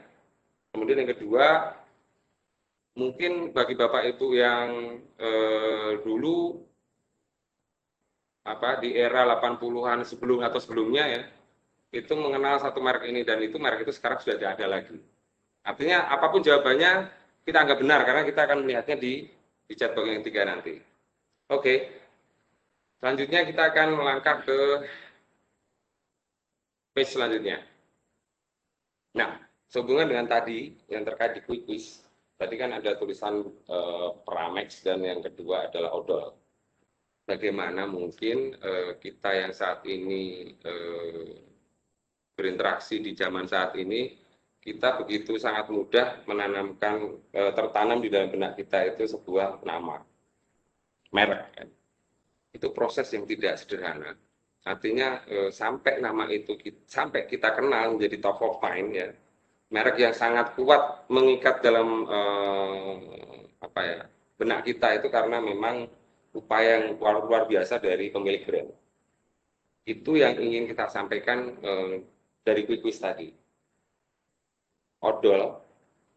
Pada saatnya, pada pada eranya itu adalah sebuah merek dari pasta gigi. Dan itu kemudian dikenal dan kemudian sampai dipakai masih di era 90-an masih dipakai. Bahkan apa pun yang e, merek apa pun yang mau kita beli kebanyakan nih akan bilang oh, odol. Ketika kita datang ke warung Pak ada odol gitu kan. Padahal odol itu sebenarnya sebuah merek. Tapi bagaimana bisa eh, sebuah merek yang sudah luar biasa eh, tua dan sudah punah, tapi masih eh, terngiang sampai 20-30 tahun kemudian. Mungkin ini hanya dialami oleh eh, kita yang lahir ya 70 ke atas lah kelahirannya sebelum sebelum 70 lah mungkin akan mengenal ini atau pernah mendengar ini. Bagaimana mungkin sebuah merek melegenda seperti itu? Ini tentu bukan upaya sederhana dari pemilik merek untuk melakukan ini. Begitu juga ketika eh, Bapak Ibu semuanya meminta atau membeli produk air mineral. Pasti nama itu ya saya paham yang saya maksud pasti nama itu akan dijadikan alat beli. Menjadi apa? E, ketika sebut kita datang ke warung yang kita minta untuk air mineral apa? Ya merek itu gitu kan. Itu menjadi merek generik. Apa pun yang kita terima mereknya kita tidak mempermasalahkan gitu kan. Kita tidak pernah mempermasalahkan karena itu sudah menjadi merek generik. Itulah yang kita ingin sampaikan bahwa membangun merek itu butuh proses panjang dan lama dan berbiaya besar. Tapi bagaimana dengan UMKM itu tantangan kita. Nah kita di depan bapak ibu semuanya eh, di page ini ada peng, apa sih pengertian eh, merek? Yang pertama kita ingin menyampaikan bahwa merek ini sangat terkait dengan eh, regulasi dari pemerintah, terutama di pasal 1 Undang-Undang Nomor 15 Tahun 2001 mengenai ketentuan mengenai merek. Di situ merek adalah tanda yang berupa gambar, nama, kata, huruf-huruf, angka-angka, susunan warna, atau kombinasi dari unsur tersebut yang memiliki daya pembeda dan digunakan dalam kegiatan perdagangan barang atau jasa. Itu pengertian yuridisnya. Artinya, eh, negara menjamin hak e, warga negaranya untuk memilih merek. Jadi ada perlindungan dari merek itu apa pemerintah terhadap merek itu tentang kepastian hukumnya. Jadi ada proses legalitas yang harus ditempuh dan inilah yang kita sampaikan bahwa e, UMKM challenge-nya cukup besar. Bagaimana mereka bisa e, memiliki merek yang dilindungi oleh e, Kementerian Hukum dan HAM dalam hal ini dengan uh, mereka harus mendaftarkan diri, mendapatkan izin khususnya untuk makanan mereka harus mendapatkan PIRT ya. Kemudian untuk produk-produk tertentu uh, dia harus mendapatkan uh, uh, izin untuk PKRT-nya kalau untuk produk sabun dan sebagainya. Itu menurut kami itu hal yang sangat uh, perlu di kita ini kan ya kita sampaikan bahwa sangat uh, penting bagi setiap pengusaha itu memiliki legalitas untuk memiliki merek yang dilindungi undang-undang. Karena kalau tidak, kita akan bermasalah dengan uh, hukum. Itu yang ingin kita sampaikan. Sehingga nanti kita akan jelaskan kenapa kita bergabung menjadi konsorsium UMKM ini sangat berkait dengan ini. Selanjutnya, nah ini pengertian merek eh, secara praktis. Itu yang dipakai oleh para eh, perencana merek ya untuk eh, dijadikan definisi mereka untuk di apa menjadi perencanaan jadi merek itu adalah citra produk yang tertanam dalam benak konsumen. Jadi saya sebutkan di muka bahwa di dalam benak konsumen itu kita sudah mendapatkan begitu banyak informasi sehingga uh, roaming nih ceritanya kan apa sih mau kita beli apa kadang ada beberapa merek yang mampu tertanam secara uh, kuat di benak kita. Bagaimana itu bisa dilakukan? Itu itu menjadi pertanyaan besar dan di sini kita sedang bicarakan strategi membangun merek. Nah, ini adalah hasilnya seperti tadi saya ceritakan bahwa ketika kita membeli sebuah produk eh, air minum dalam kemasan, ya produk yang EQ itu pasti disebut. Walaupun yang kita terima merek lain, tapi itu selalu yang ditanamkan. Karena apa? Dia berhasil membangun eh, merek yang istilahnya itu tidak akan pernah di tinggalkan orang. Itulah yang kita harapkan kita bisa melakukan itu. Nah, selanjutnya kita akan berpindah ke, ke halaman selanjutnya. Nah, apa sih manfaat merek bagi produk? Ada tiga hal yang kita ingin sampaikan. Yaitu merek menjadi pembeda atas atribut produk antara produk satu dengan yang lain. Itu sudah pasti ya, supaya kita bisa melihat, kita bisa memilih produk yang ada di pasaran Kemudian eh, ketika kita mendapati sebuah produk, merek produk, itu kita pasti melihat ada garansi kualitas di dalamnya. Ketika kita memilih, itu berarti kita ada trust. Itu yang sebenarnya dari kacamata kita produsen, itu harus melihatnya seperti itu, bahwa ketika merek kita itu terpampang, kita berharap masyarakat konsumen itu melihat dengan kacamata mereka secara positif. Jadi eh, kita itu tidak ingin menyesak apa memberikan uh, pemahaman bahwa kita yang menentukan sebagai perusahaan kita yang menentukan orang mau atau tidak terhadap produk kita. Tetapi kita mengikuti atau istilahnya itu customer driven. Jadi kita mengikuti apa yang dimaui konsumen. Saat ini sudah berada pada tahap itu. Jadi kita tidak bisa lagi karena kompetisinya sangat kuat, kita harus mampu mengakomodir apa sih maunya uh, konsumen. Itu yang insight itu atau eh, masukan itulah yang kita ingin dapatkan sehingga merek itu kita perbaiki terus. Di sini ada garansi bahwa kita eh, ketika membeli merek itu berarti kita yakin bahwa produk itu pasti bagus. Kalau tidak yakin mau bagaimana kita mau eh, mau melakukan eh, pembelian terhadap merek itu. Kemudian eh, selanjutnya adalah merek membangun nilai produk yang diwakilinya merek itu uh, adalah sesuatu yang mampu melahirkan nilai. Jadi sudah tentu ketika kita uh, produk kita ada di pasaran, sudah banyak dikenal orang, yang terjadi adalah transaksi. Dari transaksi itu keluarlah value. Jadi nilai dari sebuah merek itu ditentukan oleh uh, kualitasnya. Ya, kita tidak bisa membangun merek kita tanpa ada value-nya. Itu yang kita sampaikan bahwa setiap produk ketika dia dibangun dengan baik, value-nya itu melampaui nilainya itu melampaui ekspektasi kita pemilik produk terhadap merek tersebut. Gitu. Dan selanjutnya kita akan uh, buka halaman selanjutnya. Nah, ini yang sebenarnya kita mau bahas habis-habisan adalah di sini. Kalau tadi kita bicara tentang teorinya eh, para marketer di perusahaan. Nah, sekarang kita pengen eh, bangun pemahaman tentang apa sih strategi membangun merek bagi UMKM? Apa yang harus dilakukan oleh UMKM untuk eh, membangun merek mereka?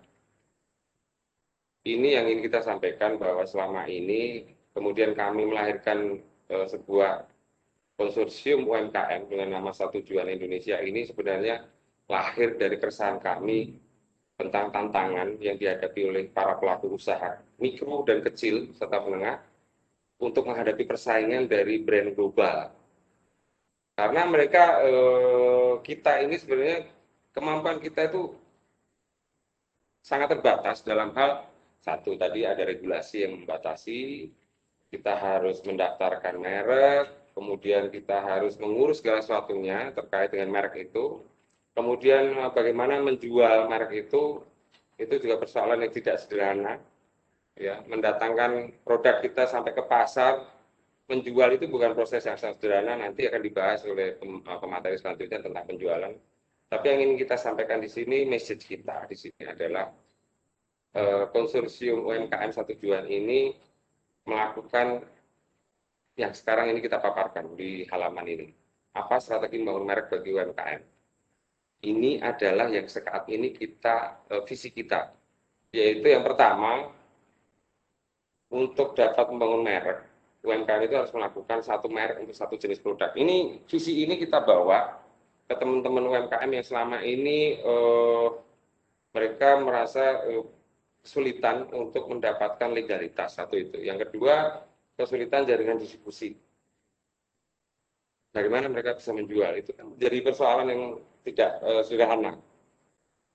Kemudian dari situ kita kemudian terus terang kami ini awalnya adalah sebuah komunitas kecil terdiri dari para produsen dan reseller eh, produk cairan cuci piring. Awalnya sesederhana itu. Hanya dari guruan di agrup dan setiap kali kita bercerita tentang kesulitan dan keresahan mereka, bagaimana menjual produk, memperbaiki kualitas, bagaimana mendapatkan bahan baku yang lebih murah, ya bagaimana mengurus perizinan, karena kita tidak bisa e, menghindari itu. Mengurus izin itu itu sesuatu yang tidak mungkin tidak kita lakukan, karena memang sudah jelas di undang-undang, memang wajib bagi setiap pemilik merek itu wajib mengurus izin produksi dan izin edarnya terutama untuk produk cairan cuci piring yang memang eh, dalam hal ini digunakan sebenarnya tiap hari digunakan dan kita tidak ingin merugikan pengguna dan untuk itu pemerintah eh, melalui Kementerian Kesehatan menurunkan eh, satu keputusan untuk memberikan izin bagi produsen cairan cuci piring dan lain-lainnya. Itu kami paham dengan itu, makanya kemudian kami mencoba untuk bergandeng tangan melakukan eh, berpikir tentang satu ide, yaitu satu merek untuk satu jenis produk. Bagaimana itu bisa dilakukan? Sementara teman-teman ini awalnya adalah memiliki merek yang berbeda-beda. Jadi ini yang kita ingin uh, kita pengen share di malam ini. Teman-teman UKM yang begitu uh, sudah lama terjun lebih dari satu dua tahun mereka kesulitan untuk menembus pasar, apalagi masuk ke modern market itu banyak hal yang harus dilakukan dari mulai izin PKRT-nya, kemudian ada barcode di GS1-nya, kemudian kemasan yang harus bagus.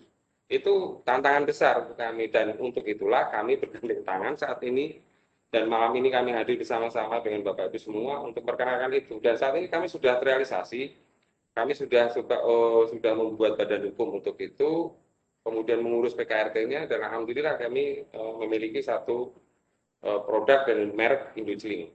Itu uh, apa pesan sponsor dari kami bahwa kami berhasil uh, menanggalkan ego masing-masing dengan merek yang mereka sebenarnya sudah sudah punya sebelumnya, tapi mau menggabungkan diri, melebur diri dalam satu merek. Ini ternyata bukan hal sederhana. Karena tarik ulur lah namanya sebuah merek, pasti kita pegang erat. Tapi bagaimana supaya kita bisa ber, uh, menjual membuat itu. Kemudian yang kedua adalah uh, satu regulasi penentuan harga. Merek itu sangat terkait dengan nilai. Ya, untuk me, untuk agar produk kita itu mampu diterima di semua kalangan, kita tentunya harus memberikan uh, regulasi untuk bagi para produsen yang sama dengan kita, dengan merek yang sama itu untuk menentukan harga yang sama dalam artian sama itu adalah per daerah pasti ada ada variabel lain, mungkin kemahalan dan sebagainya itu kita perhitungkan. Tapi yang jelas kita menentukan harga jual yang sama, harga eceran terendah dan tertinggi yang kita buat. Itu untuk dijadikan panduan oleh teman-teman yang berada di kabupaten-kabupaten di sekitar Jawa Timur ada beberapa di Jawa Tengah dan di Jawa Barat, Cibinong terutama. Kita punya teman di sana yang sudah memproduksi ini. Kemudian eh, satu program komunikasi pemasaran untuk satu jenis produk. Maksud kami, sebuah produk, sebuah merek itu harus diperkenalkan dengan cara yang elegan dan dapat diterima oleh semua kalangan. Apakah teman-teman dari uh, wirausaha kecil menengah ini mampu melakukan itu? Itu sama dari dengan uh, bagaimana mengurus izin, bagaimana uh, menentukan harga pokok produksi, harga eceran tertinggi terendah. Itu yang saat ini kita lakukan bersama-sama dengan teman-teman lain, kita bergandeng tangan uh, melakukan memproduksi sebuah produk yang kita urus bersama-sama. Dan itu akan menjadi jaringan di setiap kabupaten kita upayakan, setiap kabupaten untuk itu bisa hadir di setiap kabupaten. Dan inilah yang menjadi tugas kami, eh, para wirausaha yang sekarang tergabung di konsorsium UMKM ini untuk menebarkan mentalitas wirausaha. Jadi visi kami itu, kalau kami eh, dalam eh, kesempatan ini kalau boleh kami menyampaikan bahwa di akhir ini kami ingin menyampaikan satu pesan penting bahwa kami ini bersama-sama membangun visi sebagai pencetak pelaku usaha. Kalaupun eh, ada industri yang memang memiliki eh, visi untuk memberikan lapangan kerja, memang harus balance ya antara karena kadang-kadang untuk menjadi pelaku usaha yang baik dia harus di apa eh, diajari disiplin di lapangan pekerjaan atau di industri besar. Dan kami adalah produk dari itu. Beberapa teman kami materi ini adalah uh, produk dari perusahaan-perusahaan yang sudah uh, kami bekerja sebelumnya di perusahaan itu dan kami saat ini menyiapkan diri untuk menjadi pelaku usaha karena mengingat kondisi itu itu tidak kita bisa pertahankan sampai kapan kita akan jadi bekerja di empat orang kan gitu. Dan ini yang kita ingin tanamkan kepada siswa Bapak Ibu semuanya, sehingga suatu saat nanti Bapak Ibu semuanya eh, akan bisa bercerita kepada eh, cucu, kepada ponakan, ketika melihat salah satu siswa kita atau beberapa siswa kita menjadi pengusaha besar nanti, kita bisa bercerita bahwa kita bangga pernah menjadi bagian dari hidup dari siswa yang menjadi pengusaha besar itu, entah 10 tahun lagi atau 20 tahun lagi. Itu yang ingin kita bagi bersama-sama malam ini bahwa kami ingin memberikan uh, visi yang sama mengenai bagaimana nanti siswa itu ketika lulus memilih apa yang harus dia lakukan. Dan satu lagi sebelum kita menutup, kami menutup uh, paparan ini, kami ingin mengusulkan kepada Ikatan Guru Vokasi juga nanti uh, stakeholder dari pendidikan, terutama di kejuruan ini, tahun ini persoalan pandemi kelihatannya masih berjalan. Dan ini menjadi tantangan bagi Bapak Ibu semuanya dan keresahan semua bagi orang tua, anak anak didik ketika lulus mau jadi apa kan. Untuk itu kami menawarkan diri. Setelah ini ada postgraduate program yang kita tawarkan akan bergandeng tangan membangun sebuah jaringan besar dari siswa yang setelah lulus itu untuk berbagi informasi tentang apa yang bisa dilakukan mereka saat mereka lulus dan mencari status. Karena keresahan itu pasti akan terjadi, karena kita bukan melihatnya sebagai sebuah kendala, tapi ini tantangan bagi kami untuk ingin menularkan e, jiwa wirausaha itu bagi teman-teman eh, adik-adik kita yang nanti lulus di tahun ini.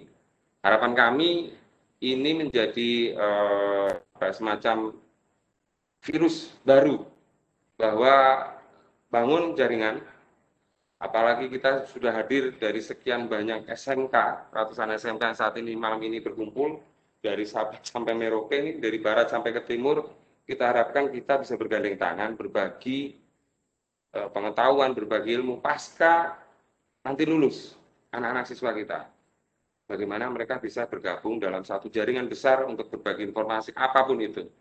Jika itu bisa dilakukan, keresahan mereka ketika lulus, mereka mampu uh, menempatkan diri, oh kita banyak teman yang masih berada di satu uh, status yang sama. Berbagi informasi, bahkan jika ini mungkin dilakukan, nantinya kita harapkan kakak-kakak yang kemudian nantinya sudah mendapatkan pekerjaan atau mampu membuka lapangan kerja, itu bisa turun ke bawah mengajak adik-adiknya dan diharapkan komunitas besar dari para lulusan SMK ini akan terus turun-turun uh, menurunkan ilmunya ke adik-adiknya dan bisa terus dipelihara. Harapan kita itu semoga uh, paparan malam ini membuka wawasan yang baru bahwa pelaku usaha itu bisa diciptakan dari uh, apa mentalitas bukan dari kecakapan saja. Mentalitas 99 persen, satu persennya kecakapan itu yang kami yakini dan kami sudah terjadi dengan itu. Dan di akhir paparan kami kami ucapkan terima kasih atas perhatian uh, Bapak Ibu guru hebat pada malam hari ini. Semoga apa yang kami sampaikan uh, pemahaman baru Bapak Ibu semuanya. Terima kasih atas waktu yang diberikan. Uh, waktu kami kembalikan kepada moderator. Pak Rudi. Ya Pak Rudi. Baik, terima, baik terima kasih. Uh, uh, Pak Rudi. Kita ucapkan, ya baik Pak. Ya halo. Masih bergabung. Halo Pak, masih Pak. Halo. Jelas Pak Rudi Halo. suaranya lanjut. Oke, baik terima kasih Pak Eri. Kami ucapkan. Pak Rudi. Ya sudah Pak. Halo Pak Eri. Sepertinya sinyal beliau yang bermasalah. Iya. Baik, terima kasih kita ucapkan pada Pak Eri Purbojo yang sudah mengantarkan materi yang dengan judul strategi moderator. membangun merek. Ya, Masih bersama Halo. kami. masih Pak. Halo. Halo Pak. Halo. Bagaimana Pak Ibu yang lain bisa mendengar suara saya?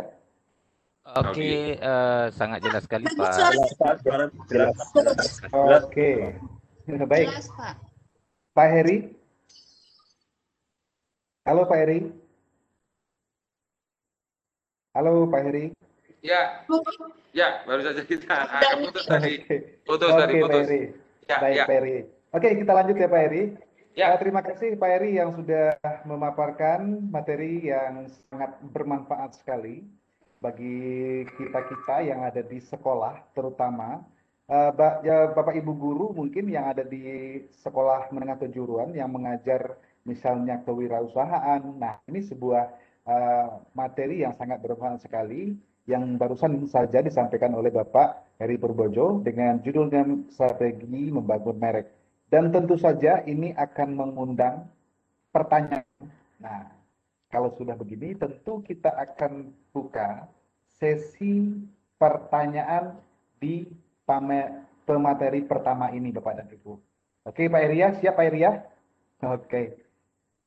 Baik, silakan mungkin kepada Bapak Ibu guru hebat seluruh Indonesia yang ingin bertanya dipersilahkan melalui fasilitas raise hand atau bertanya langsung dan melalui kolom chat. Oke, apakah ada yang bertanya langsung Ibu Umi? Ini Boleh, ada Pak. Saiful Bahri. Ada Pak. Saiful Bahri. Boleh, kita persilakan terlebih dahulu yang ini yang melalui langsung mungkin Pak Saiful Bahri. Silakan Pak Saiful Bahri. Silakan Pak Sa- Oh, hilang Pak Saiful Bahrinya. Oke. Baik, kalau Pak Saiful Bahri Ya, Pak. mungkin nanti ya Eh, ada. silakan Pak, silakan. Silah, silakan Pak bertanya Pak ke Pak Eri. Terima kasih, selamat malam. Ya.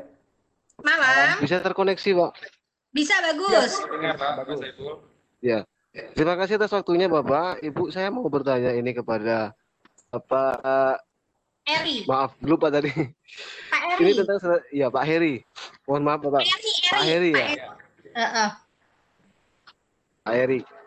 Ya, Bapak, salam, salam kenal dulu. Saya Saiful Bahri dari Madura, Bangkalan. Ya. Eh, sehubungan saya di sini sebagai guru dan juga sekaligus sebagai metra UMKM di Kabupaten Bangkalan. Saya ingin bertanya Bapak, ini mengenai merek. Se- Sebenarnya merek ini sangat penting sekali dalam suatu produk. Cuman bagi saya itu kendalanya. Kendalanya itu eh, mengenai pembiayaan Bapak. Mungkinkah dari pemerintah atau instansi terkait yang berhubungan dengan merek itu bisa memberikan fasilitas untuk mendapatkan merek secara gratis. Dari itu saya minta penjelasannya. Terima kasih. Sekian. Assalamualaikum warahmatullahi wabarakatuh. Waalaikumsalam warahmatullahi wabarakatuh. Baik, yang terima bertanya kasih kita atau ucapkan pada Pak Samsul Bahri. Mungkin Eh, pertanyaan kedua, Pak Eri, kita tampung dulu. Ini Ya. ada saya ambil melalui kolom chat dari Ibu, eh, mohon maaf ini kalau salah ya, dari Ibu apa Bapak ini? Heri Sunaryatin Bapak kayaknya ya. Saya mau menanyakan kepada Pak Eri, bagaimana mengembangkan SMK mampu membuat bisnis center di sekolah.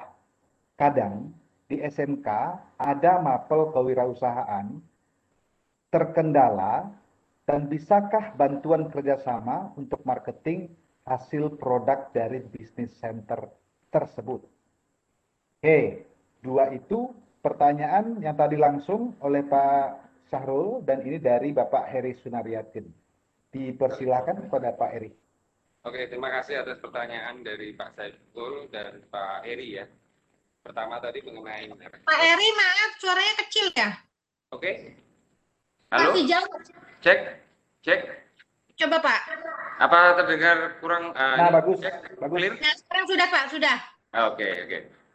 Oke, mungkin eh, terima kasih tadi atas eh, pertanyaan yang disampaikan ke kami dari Pak Saiful dan Pak Heri ya tadi.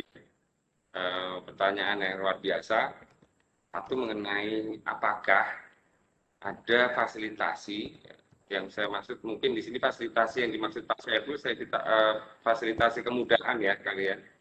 Eh, mungkin saya perlu jelaskan nih Pak Saiful. Sebenarnya merek ini ada beberapa eh, mungkin mohon dicatat ya ada beberapa regulasi terkait dengan perizinan merek. Sebenarnya kalau untuk mendaftarkan diri sebagai eh, untuk mendaftarkan merek kita, ya merek itu kan sesuatu yang kita buat nama ya, nama baik itu bentuknya teks ataupun campuran dari teks, kemudian ada simbol dan macam-macam, sehingga itu, itu akan membentuk sebuah image atau citra yang akan dikenal sebagai eh, logo eh, nama merek. Nah, nama merek inilah yang harus kita urus eh, apa ya legalitasnya. Satu tentunya kita melihat dulu produknya apa, karena ini terkait dengan kita harus bedakan nih sebagai merek atau sebagai merek dari produk. Jadi kalau kita urus merek itu kalau brand name-nya atau nama merek itu kita mengurus ke hak kekayaan intelektual. Itu ada di direktorat eh, salah satu direktorat di Kemenkumham. Itu sangat sederhana prosesnya. Kita harus cek dulu ketika kita mau membuat nama, seharusnya sudah checking dulu apakah nama itu sudah digunakan oleh produsen atau eh, ya produsen ya dalam hal ini produsen produk. Kita cek eh, coba nanti cari di apa untuk mencari untuk memvalidasi apakah merek yang akan kita daftarkan ini di hakinya ini itu sudah dipakai oleh perusahaan lain atau lembaga lain. Ini yang sangat penting untuk dilakukan. Dan ini setahu saya sih untuk mengurus ini bisa online. Jadi nanti langsung saja Bapak bisa eh, di Google mengenai perizinan atau mengenai pendaftaran HAKI, HAKI ya, mengenai hak kekayaan intelektual. Salah satunya adalah mengenai eh, kepemilikan merek. Nanti Bapak dapat cek dulu. Jadi ketika satu tahap ini yang awal sebelum kita membuat sebuah merek untuk didaftarkan kita harus cek dulu apakah nama kita itu sudah ada. Ya, kalau sudah ada kita buat yang lain. Kenapa? Itu berisiko pasti itu menjadi dasar penolakan dari izin untuk mendapatkan eh, untuk terdaftar di hak kekayaan jadi kita punya hak atas pemilikan merek itu. Jadi itu tidak dapat dipakai lagi oleh orang lain atau perusahaan lain. Ketika itu sudah terdaftar, itu tidak bisa lagi dipakai oleh orang lain. Itu satu sisi mengenai pendaftaran merek. Nah, tentunya Bapak juga eh, pahami juga ini bagi Bapak Ibu semuanya bahwa tidak hanya di situ. Ada hal lain yang harus dilakukan juga. Adalah pendaftaran produk merek dan melekat dalam uh, produk yang tadi saya merek, tapi ini ada terkait dengan produk. Produk itu produk apa dulu? Karena ada beberapa perizinan yang harus dilampau apa harus dilakukan. Ini kalau mengenai produk makanan, minuman, kosmetik, ya, eh, itu harus atau obat itu harus dilakukan melalui balai Badan POM. pengawasan obat dan makanan. Itu nanti diterbitkan oleh Balai POM. Nah, kalau mengenai untuk kami sendiri, ini adalah produk cairan cuci piring, menurut peraturan kami itu hanya mengurus di Kemenkes untuk mengurus izin PKRT atau pembekalan rumah tangga dalam negeri. Karena untuk yang produk import itu ada namanya eh, pembekalan rumah tangga luar negeri atau PKL ya. Kalau dalam negeri itu PKD. Diurusnya di mana? Itu bisa di dinas eh, kementerian apa? Dinas Kesehatan Provinsi atau perwakilan dari Kementerian Kesehatan yang ada di provinsi tersebut untuk kita mengajukan izin produksi dan izin edar. Jadi ada dua nih Pak menyangkut sebuah produk. Ini tadi hanya berkisar untuk produk yang kita saat ini jalani ya. Kalau makanan yang jelas itu ada PRT, itu yang rumah tangga, produksi industri rumah tangga. Ini bisa dijalani dengan hanya mendaftarkan diri eh, melalui OSS untuk mendapatkan nomor induk berusaha perorangan. Tapi ini skala kecil memang. Artinya kita hanya terbatas di uh, lingkungan kita. Nanti akan mendapatkan nomor PIRT. Untuk yang lebih tinggi skalanya skala industri itu harus mengurus Balai POM dan satu lagi sertifikasi halal dari LP LPOM UI. Ya, itu terkait dengan hal itu. Kemudian yang tadi dimaksud Pak Saiful mungkin uh, ada fasilitasi atau pemberian merek sebenarnya yang dimaksud mungkin ini tadi fasilitasi dari pemerintah untuk memudahkan proses eh, perizinan. Tapi yang perlu diketahui Pak, kalau kita ingin produk itu kita keluar, tidak hanya sampai pada tahap kita gunakan di komunitas kita, di desa kita, tentunya kita ingin berkembang kan, itu tidak cukup dengan uh, proses di situ. Kita harus memiliki badan usaha. Kalau tadi perorangan bisa nih, untuk PIRT itu bisa diterapkan dengan badan usaha, bukan badan usaha tapi perorangan untuk NIB-nya. Tetapi ketika itu masuk ranah yang lebih luas, kita ingin produk kita itu masuk ke minimarket, ke modern market, ke kota lain, ke kabupaten lain, karena kita ingin berkembang, itu harus dilakukan perizinan dengan badan usaha. Bisa CV, bisa PT, dan sebagainya. Apakah itu bisa dilakukan oleh sebuah uh, apa wirausaha? Inilah jawaban dari kami kami membuat konsorsium UMKM ini tujuannya adalah untuk itu Pak. Kami menyatukan, kalau tadinya semua mereka berpikir berat, seperti yang dipertanyakan Pak Saiful ini, kita relevan Pak ya, jawaban kita ini relevan. Konsorsium UMKM ini menyatukan teman-teman yang satu jenis produk cairan cuci piring untuk bersatu membuat satu perizinan. Itu yang tadi kita sampaikan. Siapa yang mengurus? Kita bikin badan usaha untuk kemudian ketika itu sudah keluar PKRT-nya, PKRT itu bisa dipakai oleh semua anggota komunitas. Tentunya harus daftar karena ada kewajiban dan terkait dengan pajak dan sebagainya, uh, apa quality control dan sebagainya itu kita pusatkan jadi satu, tapi produk itu bisa di mana-mana pak. Gitu. Kita tidak perlu bikin di satu tempat, tapi kita pengawasan kita ketat untuk kualitas, resep dan sebagainya itu kita menentukan. Sehingga nanti eh, industri yang kita buat ini bisa terbit di mana pun. Dan ini sebuah fenomena baru saya pikir, karena awalnya tidak mungkin ada seperti itu. Itu Pak jawaban kami untuk Pak Saiful, semoga memuaskan. Kalau memang eh, ingin tahu lebih banyak, bisa nanti eh, di chat mengenai bagaimana mengurus eh, merek yang dimaksud tadi. Kemudian kedua kita beralih ke Pak Heri ya. Pak Heri tadi menanyakan tentang eh, bagaimana apakah ada semacam bantuan atau kemudahan untuk marketing atau sebagainya atas produk yang dihasilkan oleh bisnis center. Ini sebenarnya persoalan klasik Pak, dari UMKM kita.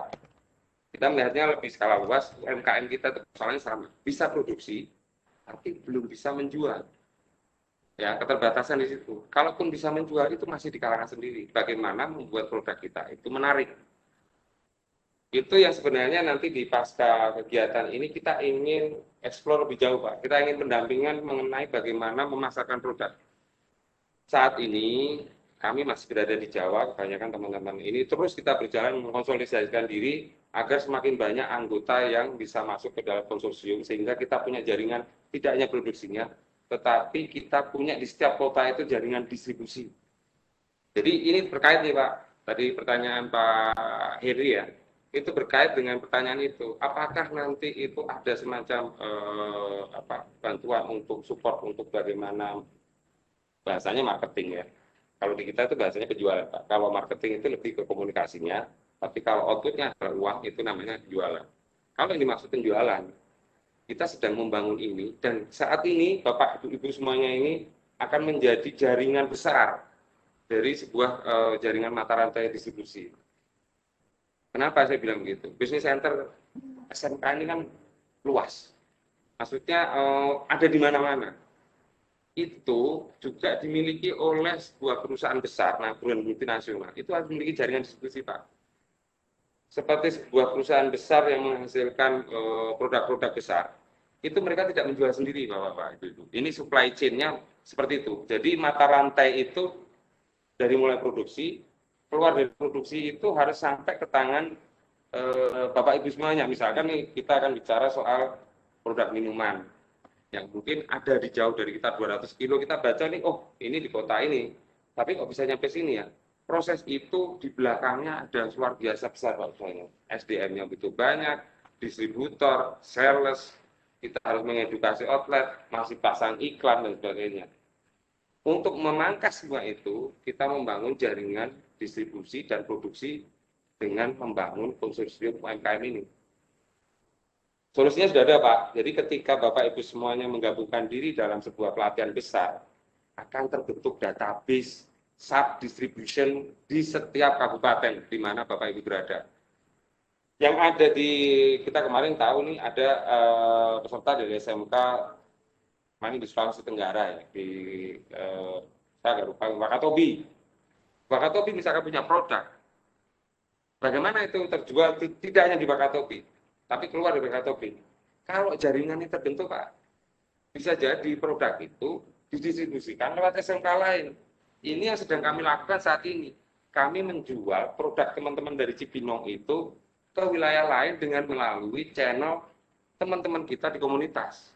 Tapi memang kita manage, Pak. Kalau itu tidak kita manage, ada hak, ada kewajiban, itu nanti pasti yang di tengah jalan.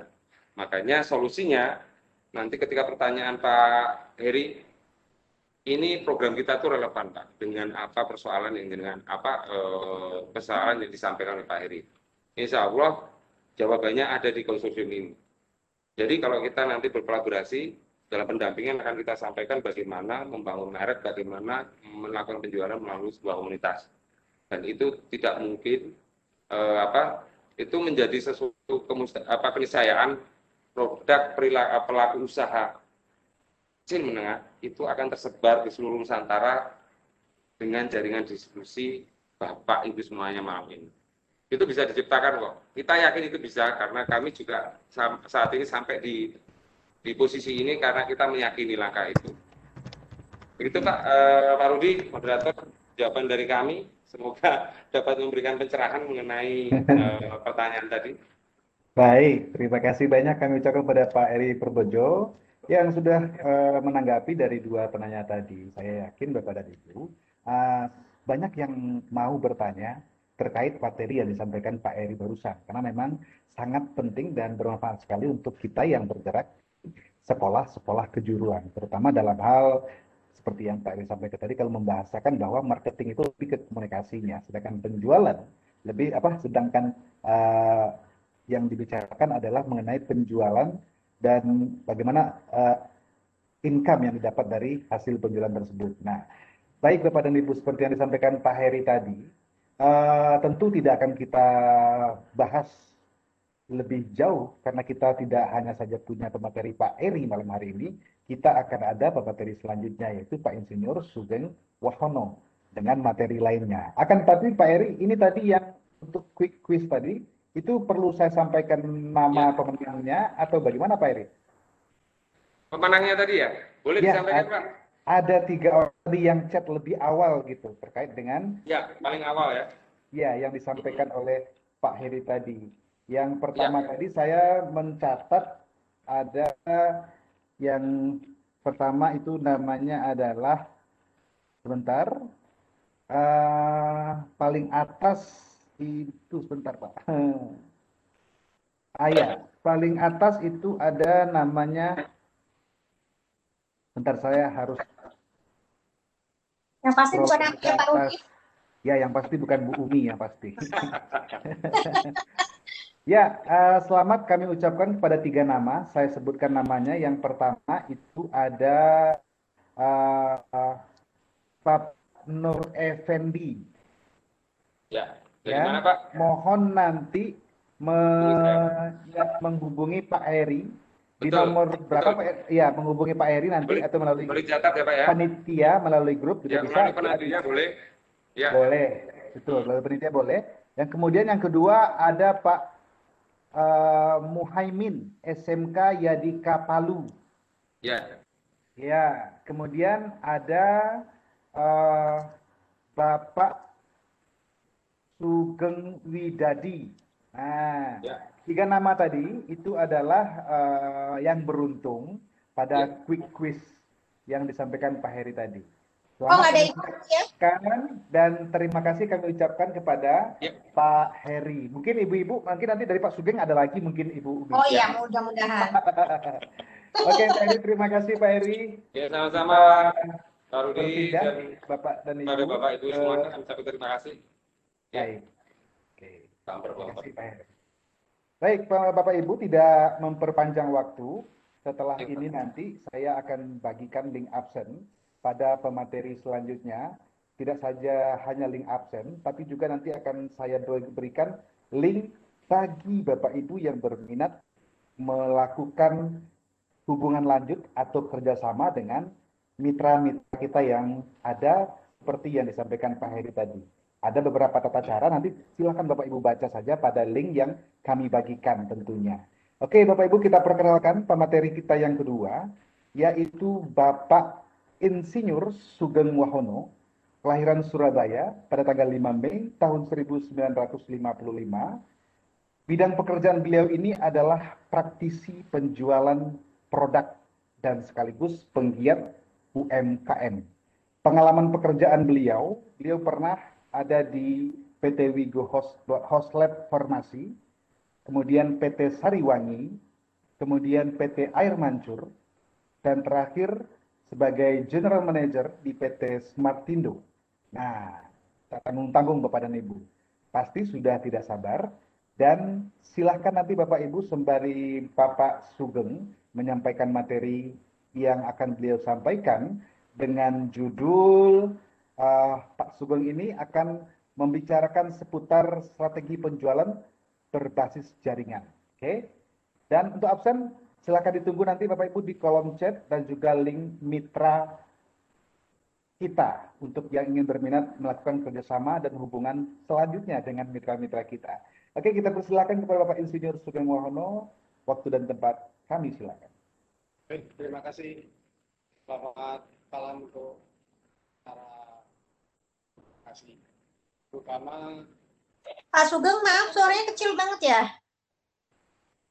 cek cek cek cek cek. Eh, gini, Pak. Su- Sudah? Nah, udah, Belum? udah, Pak. Udah, udah, wes. Ulang. Terima kasih atas kesempatan yang diberikan pada kami dari konsorsium satu tujuan di mana saya harus menyapa Ibu Haja, terutama Ibu Haja Dewi Koryati MSI, anggota Dewan DPR RI Komisi 10. Yang kedua, pengurus pusat Ikatan Guru Vokasi Indonesia, IKVI. Dan yang ketiga adalah Bapak Ibu Guru hebat seluruh Nusantara yang tergabung dalam seminar, eh, webinar malam ini. Di mana tadi sudah disampaikan dan dikupas Bapak Eri Purboyo tentang brand merek juga ada terkait tadi pertanyaan tentang legalitas dan pengurusannya. Saya hanya mengulang tentang strategi berbasis jaringan UMKM. Bagaimana kita membentuk strategi berbasis jaringan komunitas UMKM. Tadi juga sudah dibahas oleh Bapak Eri. Membangun jaringan itu tidak harus dari sebuah perusahaan. Kalau perusahaan memang membutuhkan biaya yang sangat besar. Produk A dari kota A untuk menuju kota C. Prosesnya sangat panjang, biayanya juga besar, modalnya juga tidak sedikit. Bagaimana kita bisa menjawab tantangan itu? semua akan terjawab lewat komunitas berbasis jaringan komunitas UMKM yang berada di mana-mana. Tadi sudah dikupas Bapak Eri dari ujung barat sampai ujung timur, dari Sabang sampai Merauke. Sehingga jaringan ini akan membuat distribusi yang sangat ampuh dan kuat dengan satu brand, tadi yang sudah disebutkan Bapak Eri, satu brand, satu produk yang sudah mempunyai legalitas dan bisa digunakan berbagai kalangan artinya komunitas yang kita bentuk atau kita bangun. Di situlah akan terbangun suatu jaringan kuat sekali untuk pendistribusian. Distribusi yang paling baik adalah berbasis jaringan komunitas karena di dalamnya banyak unsur-unsur yang terkait dengan sahabat dan orang-orang yang ingin berbagi ilmu, berbagi sesuatu yang tidak dimiliki orang lain untuk dunia bisnis.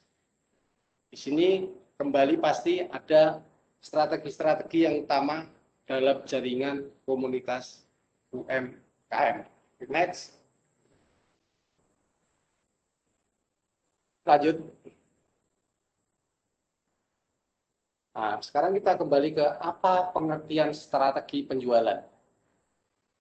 Penjualan itu memang tidak mudah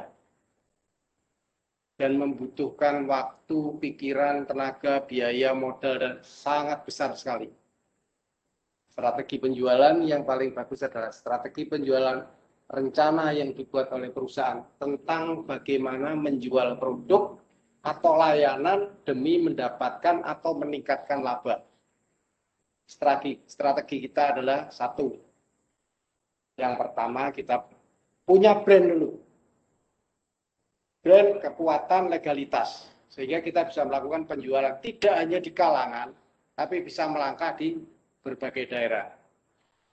Tadi sudah dikupas oleh Bapak Eri, kita punya komunitas ada di salah satu kota di Jawa Barat. Bagaimana produk itu bisa masuk ke daerah timur, ujung paling timur. Kalau tidak melalui jaringan berbasis komunitas. Kalau kita berdiri sendiri, kita mau mengirimkan produk itu ke daerah wilayah timur akan membutuhkan waktu, tenaga, dan modal serta biaya. Ini kita pangkas. Kita pangkas semua untuk menjadikan strategi penjualan yang efisiensi, memangkas biaya dari produk itu agar harga bisa kompetitif atau terjangkau. Tidak mahal, tidak murah, tapi bukan murahan. Kualitas terjamin, legalitas sudah terpenuhi.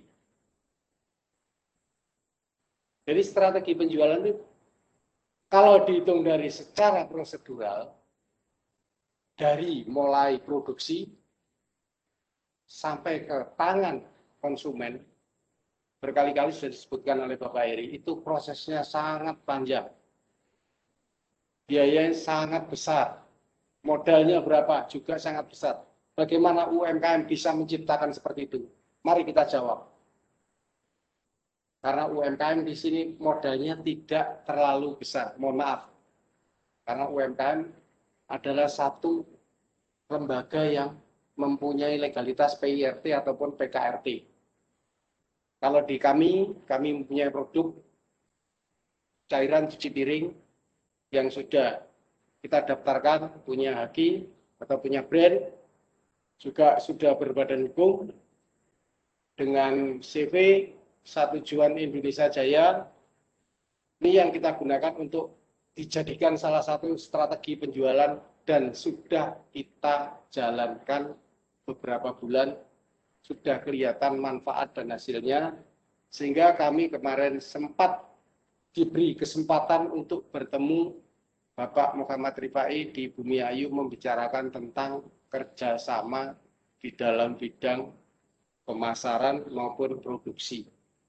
Dengan legalitas yang sudah kami miliki insya Allah kami akan bergandeng tangan kalau Bapak Ibu guru hebat ini mau bersatu untuk menjadikan satu komunitas kita, maka brand itu akan bisa digunakan. Satu brand, satu legalitas, produk kita akan sampai di berbagai pelosok Nusantara. Walaupun itu nanti akan diproduksi dari berbagai adik-adik SMK. Sebagai pembimbing adalah Bapak Ibu Guru, pendampingan dari kami. Segi kualitas harus kita prioritaskan. Karena besok akan diulas lebih jauh lagi tentang produk itu, bagaimana produk itu bisa berbicara jadi cucian piring. Apa di dalamnya? Karena kita punya season webinarnya adalah dua hari, 18 dan 19. Season besok itu akan dikupas lebih dalam lagi, bukan lagi tentang strategi yang sekarang, tapi mungkin tentang produk, kualitas, dan formula. Tentunya terkait harga, juga secara distribusi. Oke, next, Mas. Uh, di sini ada pengertian tentang jaringan komunitas. Kita kembali lagi tadi sudah dikupas dengan Bapak Eri Purboyo, apa itu jaringan, sedikit sudah mulai diulas. Jaringan komunitas adalah jaringan dari berbagai identitas komunitas. Komunitas dalam arti kumpulan orang-orang dalam berbagai jenis identitas, identitas profesi, hobi, ataupun identitas keagamaan. Kalau kita membuat satu produk, salah memasukkan di dalam komunitas, itu pun akhirnya berdampak kurang tepat. Karena di sini saya berbicara mewakili konsorsium satu tujuan.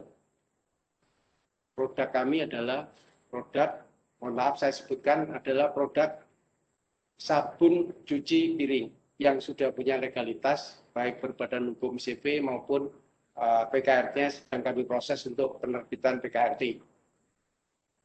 Dari produk tersebut kami buat satu formula. Kami formulanya ada yang membuat formula. Besok, season besok formulanya akan ditampilkan secara total bahwa produk kami tidak kalah dengan produk brand besar. Bagaimana jaringan ini terbentuk?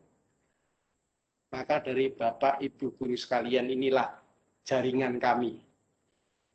Sebagai distributor juga plus sebagai produsen produk itu sendiri. Bagaimana bisa membuat sabun-sabun cucian piring sebagai produsen, maka nanti ada pendampingan ada pelatihan, ada pembelajaran tentang dunia penjualan dan dunia marketing. Tadi sudah Pak Eri sampaikan, penjualan dengan marketing berbeda. Sangat berbeda karena bahasa kita keseharian banyak orang mengatakan marketing itu adalah penjualan. Penjualan itu adalah marketing. Itu sebenarnya tidak benar. Marketing sifatnya adalah promosi. Kalau penjualan pure dia adalah menjual. Maka jaringan komunitas ini akan bergerak di mana-mana di mana ada produsen itu adalah di kota tersebut. Kita tidak bisa uh, melarang mereka memproduksi karena teman-teman sekalian Bapak Ibu guru ini adalah komunitas kita, brand kita, produsen kita, distributor juga kita. Adik-adik atau Bapak Ibu guru membuat didistribusikan ke daerah masing-masing ini akan memangkas jalur distribusi. Bagaimana cara produksi bisa harganya terjangkau? Maka diadakan nanti pembelian bahan baku chemicalnya untuk dijadikan satu pintu. Pembelian bahan baku nanti ada yang mengkoordinir. Sehingga dari berbagai kalangan SMK atau mitra kita di malam hari ini yang ada di mana-mana, dari ujung Sabang sampai ujung Merauke, mari kita bersatu. Membangun jaringan komunitas untuk bisa membuat satu produk atau brand merek yang akan kita jalankan bersama-sama. Kita bergandeng tangan. Kami sebagai konsorsium satu tujuan selalu mendukung dan peduli akan pendidikan dan juga akan melakukan bentuk-bentuk pelatihan-pelatihan tentang produsen sabun cuci piring dan yang lain. Dan tidak menutup kemungkinan kami akan memberikan satu bentuk mix produk dari berbagai produsen. Jadi tidak hanya membuat, tapi juga menjadi salah satu distributor di wilayahnya masing-masing. Maka ini akan menjawab tantangan apa itu komunitas. Bentuk komunitas akan terjalin dan bisa menjadi besar kalau Bapak Ibu guru dari mengikuti webinar bisa bersatu dengan kita. Maka komunitas ini akan ujung Sabang sampai Merauke itu akan terbentuk pada saatnya kita akan membuat MOU dan kesepakatan tentang kerjasama berkelanjutan. Kami dari konsorsium satu tujuan bersiap membagi ilmu dan memberikan bentuk-bentuk pelatihan baik secara offline maupun online. Sudah disampaikan oleh panitia bahwa yang mengikuti selama dua hari, saya singgung sedikit nih, akan mendapatkan sertifikat, e-sertifikat. Ini sangat bermanfaat. Dan dari kami akan menerbitkan bentuk kesepakatan kerjasama atau MOU. Ini, ini sangat dibutuhkan, sertifikat juga dibutuhkan. Mohon maaf, mungkin Bapak Ibu guru yang belum bersertifikasi mendapatkan sertifikasi, ini sangat bermanfaat. Bagi lembaga SMK juga MOU kami mungkin bisa bermanfaat. Oke, okay, next. Nah, kita balik lagi, mengapa jaringan komunitas? Ada tanda tanya besar. Mengapa kita menggunakan jaringan komunitas? Perusahaan besar, kalau boleh saya sebutkan. Satu minuman, produk minuman. Pabriknya ada di salah satu kota di Jawa Barat. Tapi produk ini bisa terdistribusi sampai di ujung paling timur adalah kota Banyuwangi. Ujung paling timur Jawa Timur, di Banyuwangi. Melalui proses yang tidak sebentar dan membutuhkan biaya yang tidak sedikit. Bagaimana UMK bisa melakukan seperti itu? Saya jawab bisa, karena SMK bisa dan hebat. Bagaimana cara melakukan? Melalui jaringan komunitas berbagai lembaga pendidikan SMK. Kita bersatu, maka akan terbentuklah satu distributor besar-besar di daerah masing-masing SMK. Kita berproduksi bareng dengan satu brand, dengan satu legalitas. Silakan menggunakan legalitas, tapi nanti ada hak dan kewajiban yang harus dilakukan oleh pihak manajemen. Karena di situ ada pajak, PPN, dan BPH. Kita tidak bisa lepas dari aturan yang ada. Kita harus melakukan dengan baik, karena kita sebagai produsen harus juga membayar pajak penghasilan ke pemerintah. Jadi dengan bersatunya jaringan komunitas, maka konteks penjualan komunitas menjadi salah satu pilihan utama bagi produsen. Bisa memproduksi, pasti bertanya-tanya nih Bapak Ibu guru, terutama siswa. Siswa saya ini bisa berproduksi, tapi ke mana harus menjual? Tadi saya dikupas Bapak Eri, menjualnya hanya di kalangan sendiri. Kalau kita sebagai pelaku usaha atau wirausahawan muda, bahwa membuat produk hanya ingin dikembangkan di wilayahnya sendiri, ini menutup kemungkinan kita akan lebih berkembang ke arah yang lebih besar. Padahal tugas kami peduli akan pendidikan adalah menjadikan adik-adik lulusan SMK, baik yang mulai kelas 10, 11, 12, menjadikan seorang entrepreneurship yang handal menjadikan seorang adik-adik ini wirausahawan-wirausahawan muda, pelaku-pelaku usaha yang sukses. Dari mana mereka bisa sukses? Kita latih dari mulai yang kecil-kecil dulu. Dengan usaha apa? Kita sampaikan berkali-kali. Coba kita awali dengan yang muda-muda dulu, dengan cuci piring. Karena apa? Saya berbicara cuci piring sebuah kebutuhan setiap kita atau ibu-ibu bangun tidur arahnya ke mana? Pasti ke belakang. Kenapa ke belakang? Pasti kebutuhannya adalah mencuci yang tadi malam dibuat makan malam, membersihkan peralatan dapur. Disediakan dari mana? Dari adik-adik ini. Kebutuhan akan cuci piring itu sangat-sangat besar. Kenapa saya sebut seperti ini? Karena satu produk namanya Sunlight nama lemon pun saya mohon maaf saya harus sebutkan. melakukan jaringan dengan berbagai cara. Dari kota A sampai kota B, biaya besar pun dia lakukan. Promosi besar-besaran dilakukan. Kita akan bisa seperti itu kalau kita bisa bersatu. Kalau kita tidak bisa bersatu, maka itu tidak akan pernah terjadi. Dari SMK, mulai Sabang sampai Merauke, kalau kita mau bersatu untuk mendirikan satu brand kuat dalam legalitas yang satu, maka distributor ada di mana-mana tanpa kita tahu pabriknya di mana, pembuatnya siapa. Karena di situ hanya ada satu konsorsium, satu tujuan Indonesia sebagai legalitasnya, brandnya adalah Indojling atau nanti nempel di situ produk SMKA. Wajib dilampirkan produk SMKA. Saya tidak bisa sebutkan satu-satu, ini adalah hasil karya adik-adik. Kita naungi, kita melindungi. Maka kita nitip uh, legalitas kita di situ untuk memperkuat dan pertanggungjawaban apabila terjadi sesuatu hal yang tidak kita inginkan, ada yang melindungi dan punya legalitas. Dan tidak perlu harus lembaga ini mengurus satu satu satu biayanya tinggi, cukup satu brand, cukup satu legalitas. Ini yang dijaring adalah jaringan komunitas. Sehingga loyalitas yang dibentuk komunitas ini sangat tinggi. Ini tidak bisa dipandang enteng. Sangat penting dengan jaringan menggunakan komunitas. Dan kita jangan salah masuk dalam komunitasnya. Kalau kita jual sabun, cucian piring ya masuknya di komunitas, mungkin di ibu-ibu, mungkin di pasar becek, mungkin juga bisa di toko. Itu bisa kita lakukan. Bahasa kita di dalam dunia penjualan adalah pasar bisa dilakukan. Mungkin adik-adik dalam PSG praktek bisa melakukan. Ada kurikulumnya, mapelnya kewirausahaan. Itu bisa dilakukan. Tidak mungkin tidak perlu PSG ke mana-mana, PSG di sekolah, membuat satu produk.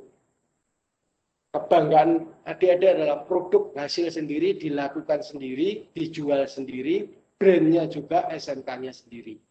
Satu kebanggaan yang tidak bisa dilupakan dan ini sangat hebat. Makanya SMK dibilang SMK bisa dan hebat dalam mempunyai satu produk dan berdistribusi melalui SMK tersebut sebagai jalur untuk pendistribusian secara nasional. Next. Jadi dari beberapa yang kami sampaikan tentang strategi berbasis komunitas, sudah kami kupas dan berbagai jalur juga sudah kami sampaikan apa yang harus diperhitungkan, membuat apa sebagai produsen, bagaimana cara menjual, bisa berproduksi, tapi ada satu titik permasalahan tidak bisa menjual. Itu yang sering kita dengar dari berbagai UMKM dan produsen yang skala kecil dengan modal kecil, maka perputarannya akan terhambat. Kalau kita bisa bersatu dan bergandeng tangan, membangun jaringan berbasis komunitas, maka dia akan menjadikan suatu usaha atau suatu perusahaan berbasis jaringan komunitas sangat-sangat besar dan berpeluang untuk menjadikan adik-adik sebagai pelaku usaha dan sebagai wirausahawan entrepreneurship yang sangat handal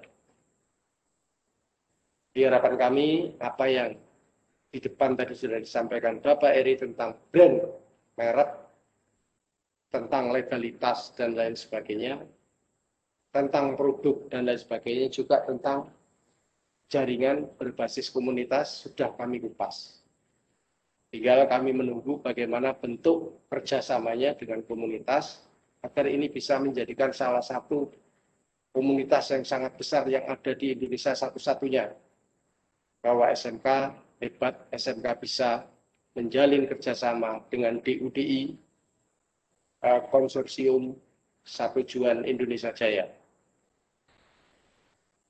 Mungkin demikian yang bisa kami sampaikan. Barangkali ada pertanyaan ataupun perlu disampaikan. Kami siap. Moderator, silakan.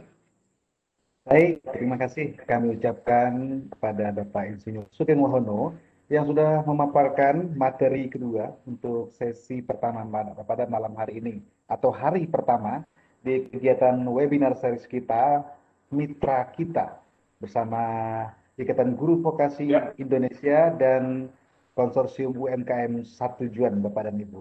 Untuk Bapak Ibu hadirin eh, guru hebat seluruh Indonesia yang ingin bertanya, silahkan bisa langsung atau juga bisa melalui kolom chat. Nah, ini ada Pak Sugeng. Langsung saja saya bacakan via kolom chat dari Bapak Sugeng Widadi yang bertanya, oh ini mengenai merek Pak. Boleh Pak ya? Kalau mengenai merek begitu nanti Pak Eri ya. yang Oh gitu ya, baik, Pak baik, Jadi baik. kita mempunyai bidang masing-masing. Iya, gitu. Ini Pak Sugeng Widadi menanyakan optimalisasi merek untuk meningkatkan omset penjualan dalam praktiknya cenderung berbenturan dengan banyaknya aturan dan perundang-undangan. Solusi apakah jika perundang-undangan tetap tentang merek dalam pengembangan penjualan kontradiksi antara pusat dengan daerah perihal adanya kebijakan-kebijakan yang ada? Itu pertanyaan pertama dari Bapak Sugeng Widadi. Bu Umi, apakah sudah ada penanya melalui raise hand? Ini ada Sebentar, Bapak, ada Ayung, ada Ayung sebentar. Bapak Ayung Dauli. Mungkin silakan Ya. langsung Pak Ayung Dauli. Halo, Pak Ayung. Halo, selamat malam. Malam, Bapak. Silakan. Kedengaran Bu suaranya saya? Bisa, bagus. Bagus, Pak. Ya, terima kasih Pak Rudi dan Pak Sugeng ya. Perkenalkan saya Ayung Sardi Dauli dari SMK Bina Karya Mandiri 2 Kota Bekasi, Pak. Halo, Ya, silakan Pak pertanyaannya. ini materi yang cukup bagus. Yang pertama pertanyaan saya tadi eh, untuk Pak Sugeng ini ya. Ini kan kita tahu Pak, eh, apa namanya, SMK itu kan kompetensinya cukup banyak Pak. Dan kita berharap bahwa produk yang dihasilkan siswa itu kan minimal itu adalah sesuai dengan jurusannya ya. Karena memang di SMK itu sekarang yang khusus pelajaran kewirausahaan kan sudah tidak ada. Itu sudah menjadi namanya pembelajaran digabung menjadi PKK, produk eh, kreatif ya dan kewirausahaan. Nah, jadi artinya eh, untuk menyatukan ya, kalau misalkan untuk pembuatan sabun ini jujur Kak, itu pun eh, sebelumnya kita udah lakukan Pak itu hanya untuk eh, pembelajaran kewirausahaan. Tapi memang tidak bermerek dan tidak dipasarkan keluar gitu ya. Jadi hanya diproduk kemudian dipasarkan internal. Jadi anak itu setelah dia produksi dia disuruh jual ke tetangganya, kemudian ke apa? Pokoknya yang sudah diproduk per kelas itu di, dipasarkan. Jadi di situ kita menumbuhkan eh, jiwa kewirausahaannya. Nah, yang saya ta- tanyakan tadi itu Pak, apakah nanti ini untuk bekerjasama dengan Bapak ini, apakah seluruh jurusan gitu Pak ya, atau jurusan tertentu gitu kan?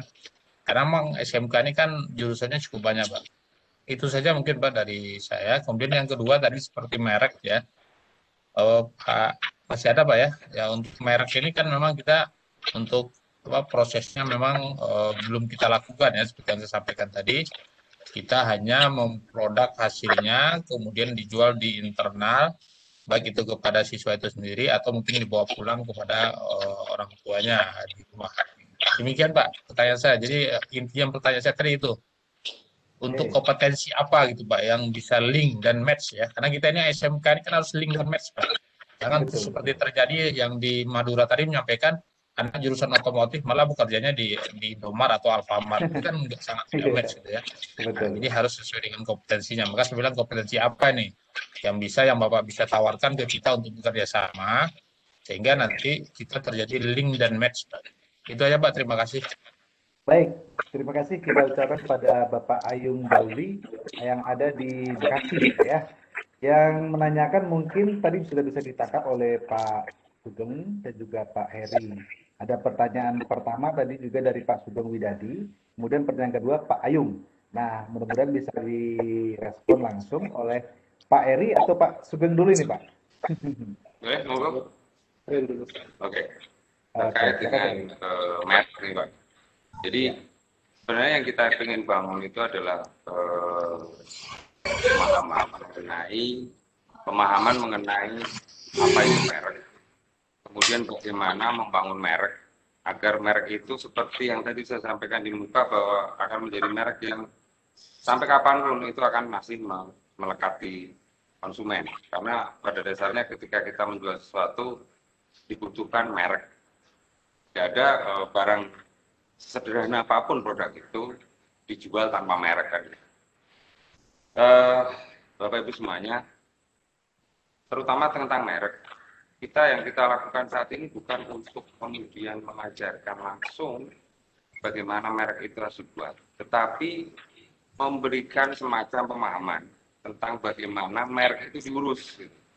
Karena di sini menyangkut uh, aspek yuridis itu tidak bisa ditinggalkan. Jadi dan ternyata memang uh, sepengetahuan kami teman-teman UKM pun yang sudah berjalan di di Malang melintang di produksi gitu kan di penjualan ternyata masih banyak yang belum paham tentang bagaimana merek itu diurus. Dan itu berisiko sekali ketika salah membuat nama. Nama ini bisa menjadi komplain dari pemilik merek yang sungguhnya. Karena kadang kita hanya sekedar memberikan label tidak berpikir sampai jauh dan tidak ada niat sebenarnya untuk membuat merek yang akan berbenturan dengan merek yang sudah memiliki uh, terregistrasi. Jadi biasanya sudah di oleh Haki akan ada lambang R di pojok kanan atas, ya, di pojok kiri atas dari merek itu. Makanya eh, ini yang kita bangun adalah mengedukasi siswa untuk eh, tidak hanya mampu melakukan eh, kerja produksi, tetapi mampu mengusahakan bagaimana merek itu dibuat dan tahu membekali mereka dengan uh, pengetahuan tentang bagaimana merek dibuat dan bagaimana merek kemudian menjadi dapat menjadi brand yang apa menjadi merek yang sangat dikenal dan tetap dalam koridor hukum. Itu yang sebenarnya kita bangun. Kemudian kalau tadi eh, pasti juga diberikan pertanyaan mungkin sekaligus saya menyampaikan mungkin eh, hal mengenai kompetensi apa yang sebenarnya bisa kita koneksikan ya, dengan apa yang kita miliki saat ini. Jadi begini Pak. Eh, kami ini sebenarnya terdiri dari beberapa praktisi sebenarnya komunitas ini kaya dengan eh, apa kapabilitas dan kompetensi. Jadi sebenarnya di besok nih dari teman kami ini ada salah satunya pemateri besok yang hari kedua tanggal 19 itu sebenarnya adalah seorang yang memang eh, mempunyai kredibilitas di, di bidang uh, otoparts dan beliau ini mantan mungkin nanti besok bisa dikenalkan langsung beliau tapi ini menunjukkan bahwa kami ini kaya dengan kompetensi sehingga apa yang bisa di dikerjasama dengan kami sebenarnya kami menyiapkan karena kami juga memiliki lembaga pelatihan Pak. Jadi mungkin ini sebagai informasi juga kebetulan saya praktisi di bidang sales and distribution karena pernah bekerja di bidang itu bertahun-tahun dan sampai uh, saat ini. Saya pribadi bekerja di bidang teknologi industri, apa teknologi informasi, kemudian komunikasi pemasaran. Sebenarnya ada teman-teman lain yang di antara kami sebenarnya bisa digali untuk bisa memberikan apa pun yang dibutuhkan oleh eh, SMK. Kami bisa memberikan eh, apa ya semacam satu di soal mentalitas, dua bagaimana kecakapan itu dibangun. Jadi mohon kami nanti bisa diinformasikan kira-kira karena banyaknya apa ya kompetensi yang memang ada di apa SMK nanti pasti kami akan melihat eh, kemampuan kami sampai di mana. Karena misalkan nih saat ini yang kami punyai saat ini temanya nih dari awal kami temanya adalah kita membawa satu merek ini yang itu sedang kita bangun merek itu dalam prosesnya. Kemudian itu bisa kita tularkan kemampuan produksinya dan yang lebih penting adalah bagaimana cara mendistribusikannya. Itu yang kami ingin tularkan ke siswa. Jadi tidak khawatir ketika memproduksi itu sudah terpikir gitu loh, tidak hanya membuat produksinya, tetapi sudah berpikir ke depan mengenai bagaimana mereknya, kemudian arah e, strategi penjualan. Karena yang sering terjadi ini di kita, bikin dulu produknya, urusan nanti itu untuk e, penjualan. Itu sebenarnya tidak bisa seperti itu karena e, memang kalau kita bikin perencanaan, produknya direncanakan dulu karena produk itu juga dari customer driver bukan dari pinginnya kita, tapi pinginnya apa sih yang dibutuhkan pasar itu harusnya proses itu yang berjalan. Kebanyakan dari kita kan memulai sesuatu dari apa mau kita, tapi bukan kita cari insight dulu. Apa sih yang sebenarnya dibutuhkan masyarakat? Baru kita kemudian menjawabnya dengan sebuah produk dan apa pun yang diusahakan tetap membutuhkan uh, kecakapan di bidang uh, komunikasi pemasaran, distribusi, apa pun produknya.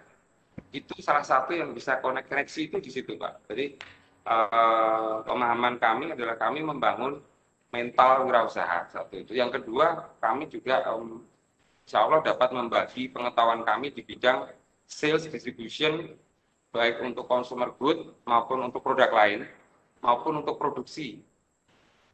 Nah, jadi itu ya kira-kira nanti apa yang bisa di, kita kerjasamakan itu banyak hal. Dan salah satu tadi poinnya adalah di akhir tadi saya menyampaikan ke Pak Sugeng juga mungkin sudah menyampaikan bahwa kami ini membangun komunitas jaringan komunitas. Dan insya Allah dengan kita bergabung di uh, sebagai mitra vokasi kita ingin menularkan ini agar setiap SMK itu mampu membangun jaringan alumni. Sehingga eh, teman-teman uh, alumni kakak adiknya mereka itu memiliki jalur yang jelas ke mana mereka nanti akan uh, mengarahkan diri bisa jadi kalau kakak-kakaknya sudah uh, lulus mendapatkan pekerjaan minimal didapat informasi. Kemudian kalau misalkan ada pelatihan pelatihan itu juga uh, terhubung dengan mereka. Kalau ada apa uh, kita ada sebuah distribusi besar di jaringan itu kita ingin juga rekrut bukan untuk mengajari mereka bekerja tapi mengajari mereka menjadi wirausaha. Itu poinnya kira-kira itu yang kita dapat kami sampaikan dari kami eh, komunitas satu juta semoga dapat memberikan pencerahan kami eh, membangun perilaku apa eh, habit untuk menjadi mentalitas wirausaha itu yang poin malam ini kita sampaikan terima kasih okay. Baik, terima kasih Pak Heri. Uh, Pak Zubing bagaimana? Ada tambahan Pak? Ya, Saya rasa saya menambahkan yang jadi pertanyaan yang kedua. Iya. Karena banyak prodi di dalamnya hmm. berbagai jurusan Betul. untuk mengarah ke wirausaha. Sebetulnya ya. kalau berbicara tentang DUD itu tidak hanya terpaku pada satu jurusan. Kadang-kadang adik-adik ini lulus juga jurusannya A bisa bekerjanya di B. Jurusannya B bisa bekerja di C. Yeah. Apa yang disampaikan Pak Eri? Bahwa kita membangun adik-adik untuk menjadi seorang pelaku wirausaha dari berbagai aspek atau jurusan adik-adik ini, ini bisa dilakukan. Sehingga pada saat kelulusan atau selesai dalam uh, menempuh pendidikan di dalam satu lembaga, maka tugas kami adalah membimbing. Kita membantu aja, karena kita peduli dengan pendidikan. Ini sebetulnya tugas Bapak Ibu Guru dan PKK, termasuk yeah. juga Bapak Kepala Sekolah. Kami di sini sebagai mitra akan membantu, akan memberikan peluang atau informasi, atau memberikan sebagai uh, pelaku wirausaha untuk menjadikan anak-anak ini tidak sulit mencari pekerjaan walaupun tidak sesuai bidang jurusan masing-masing. Kita coba membimbing, tadi sudah disampaikan Pak Erik, ada pelatihan, ada distribusi, ada juga secara marketing dan penjualan. Jadi tidak hanya satu produk yang akan kita berikan atau membuat pelatihan, tapi di dalam itu banyak yang harus kita bicarakan untuk menjadikan satu komunitas. Dalam hal ini SMK sebagai mitra kita bergandeng tangan menjadikan distribusi yang besar. Menjadikan satu market-market yang di mana di setiap daerah itu ada produk-produk yang dipegang oleh distributor dari komunitas kita. Saya rasa itu jawaban kami. Mudah-mudahan ini bermanfaat dan memuaskan untuk bisa ditindaklanjuti. Terima kasih, moderator. Monggo. Baik, terima kasih kami ucapkan kepada Pak Pak Rudi, ini ada iya, yang kenapa Ibu? langsung Pak Saiful. Bentar, saya cari dulu. Ah. Bentar, ini ada Pak Saiful akan bertanya langsung. Silakan Pak Saiful. Halo Pak Saiful. Halo. Ya silakan oh, Pak. Oh ya. Ya terima kasih banyak Bumi sebagai moderator ya. Suaranya kecil banget. Halo, halo, sudah pol ini, Bu? Nah, iya, udah, ya. udah. Udah, Pak, tenang, Pak, tenang.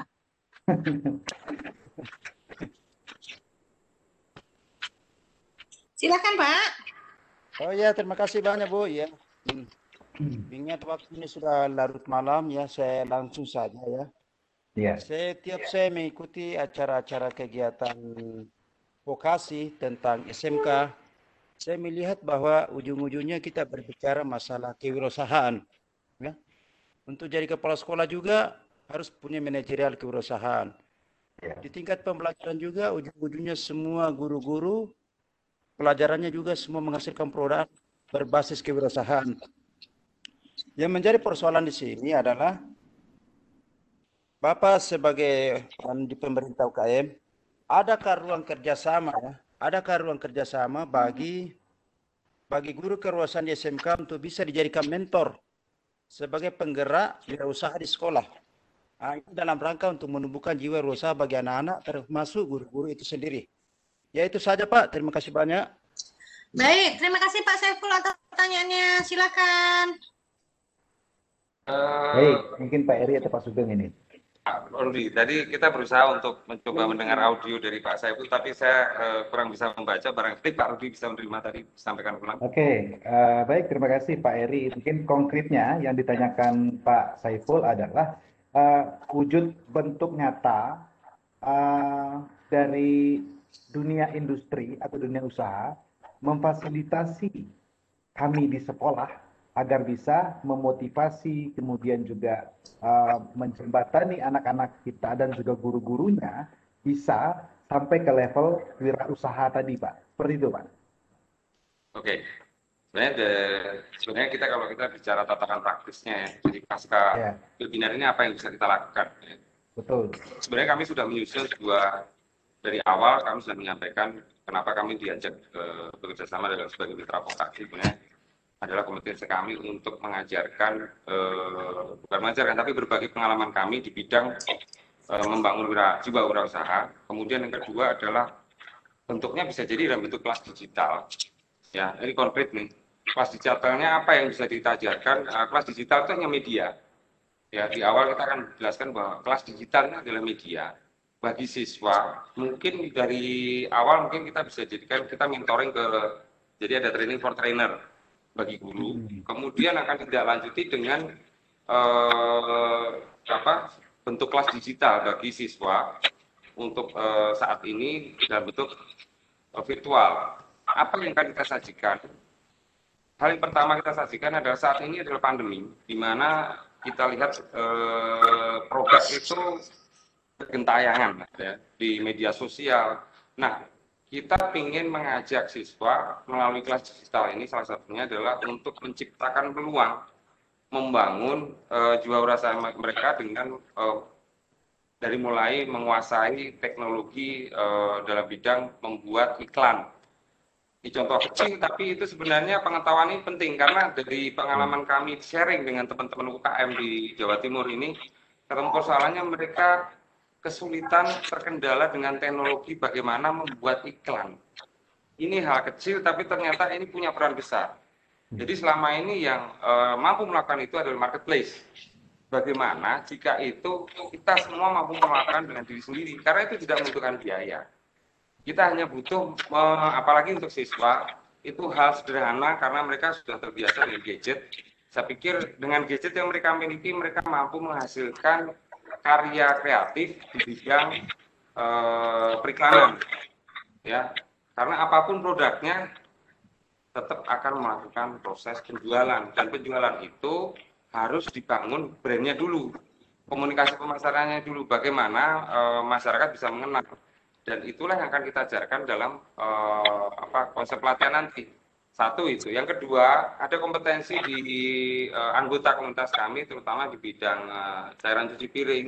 Perlu dicatat selama ini produk ini eh, sebenarnya kalau kita cermati bapak ibu semuanya bukankah cairan cuci piring ini ada di setiap rumah? Kelihatannya sederhana tapi tanyakan pada kita sendiri tiap hari kita bertemu dengan itu. Mungkin untuk baju kita tidak setiap hari belanja atau tidak mungkin setiap bulan belanja. Satu minggu pasti bapak ibu-ibu ini belanja namanya cairan cuci piring, tetapi tidak dimasukkan dalam uh, posisi uh, penganggaran untuk pengeluaran resmi karena dicarikan dari uang receh kan gitu. Sehingga stigmanya adalah kalau jualan eh, cairan cuci piring ini sesuatu yang kelihatannya receh juga gitu. Tapi bayangkan ketika di satu keluarga itu berdasarkan berdasarkan eh, survei kami. Satu liter untuk keluarga kecil eh, tiga empat orang keluarga dua minggu dia pasti butuh lagi. Bayangkan jika itu ada volume besar. Di satu kabupaten berapa? Di satu kecamatan saja. Kalau kita mampu memproduksi itu dengan kualitas yang standar bagus, ya mampu menjaga ketalan dan beberapa fitur produknya ini yang kita pegang. Dengan harga yang bersaing itu pasti menjadi uh, sesuatu yang menarik. Itu yang ingin kita juga sampaikan nanti di pelatihan bahwa kita punya produk nih.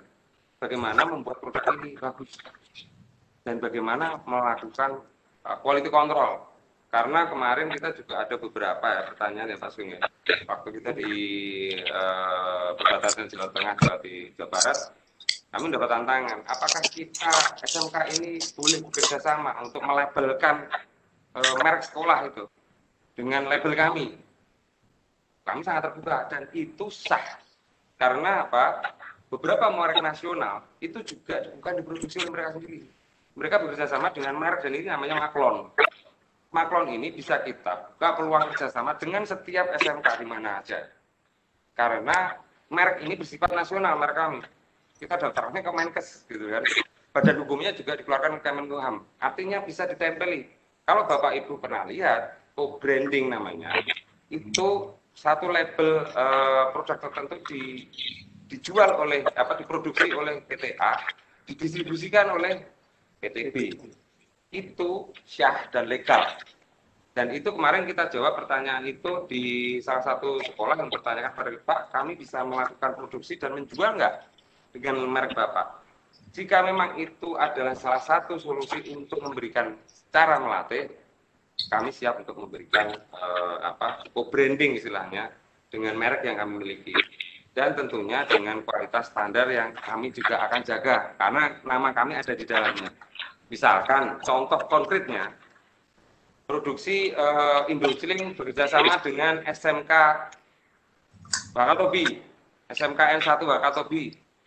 Ini adalah produk dari kerjasama antara Indociling dengan eh, SMKN Wakatobi. Itu dibuat labelnya, kemudian itu dijual. Tentunya ketika menggunakan name label kami, tentunya kami punya uh, kewajiban menjaga kualitasnya termasuk misalkan ketika ada masalah di lapangan produk itu gagal atau apa kami harus menarik jadi produk recall harus dilakukan jadi nanti standar itulah yang akan kita sampaikan jadi banyak hal yang kelihatannya itu tidak pernah dibayangkan oleh bapak ibu semuanya. Di dalam uh, produksi dan distribusi itu banyak aspek yang harus diketahui. Dan itulah proses yang nanti akan kita lakukan. Bisa jadi kerjasamanya dalam satu bulan. Memang kelihatannya lama tapi banyak aspek yang mau kita bagikan. Itu berarti dari jawaban dari kami, apa sih yang konkret dari kami? Itu.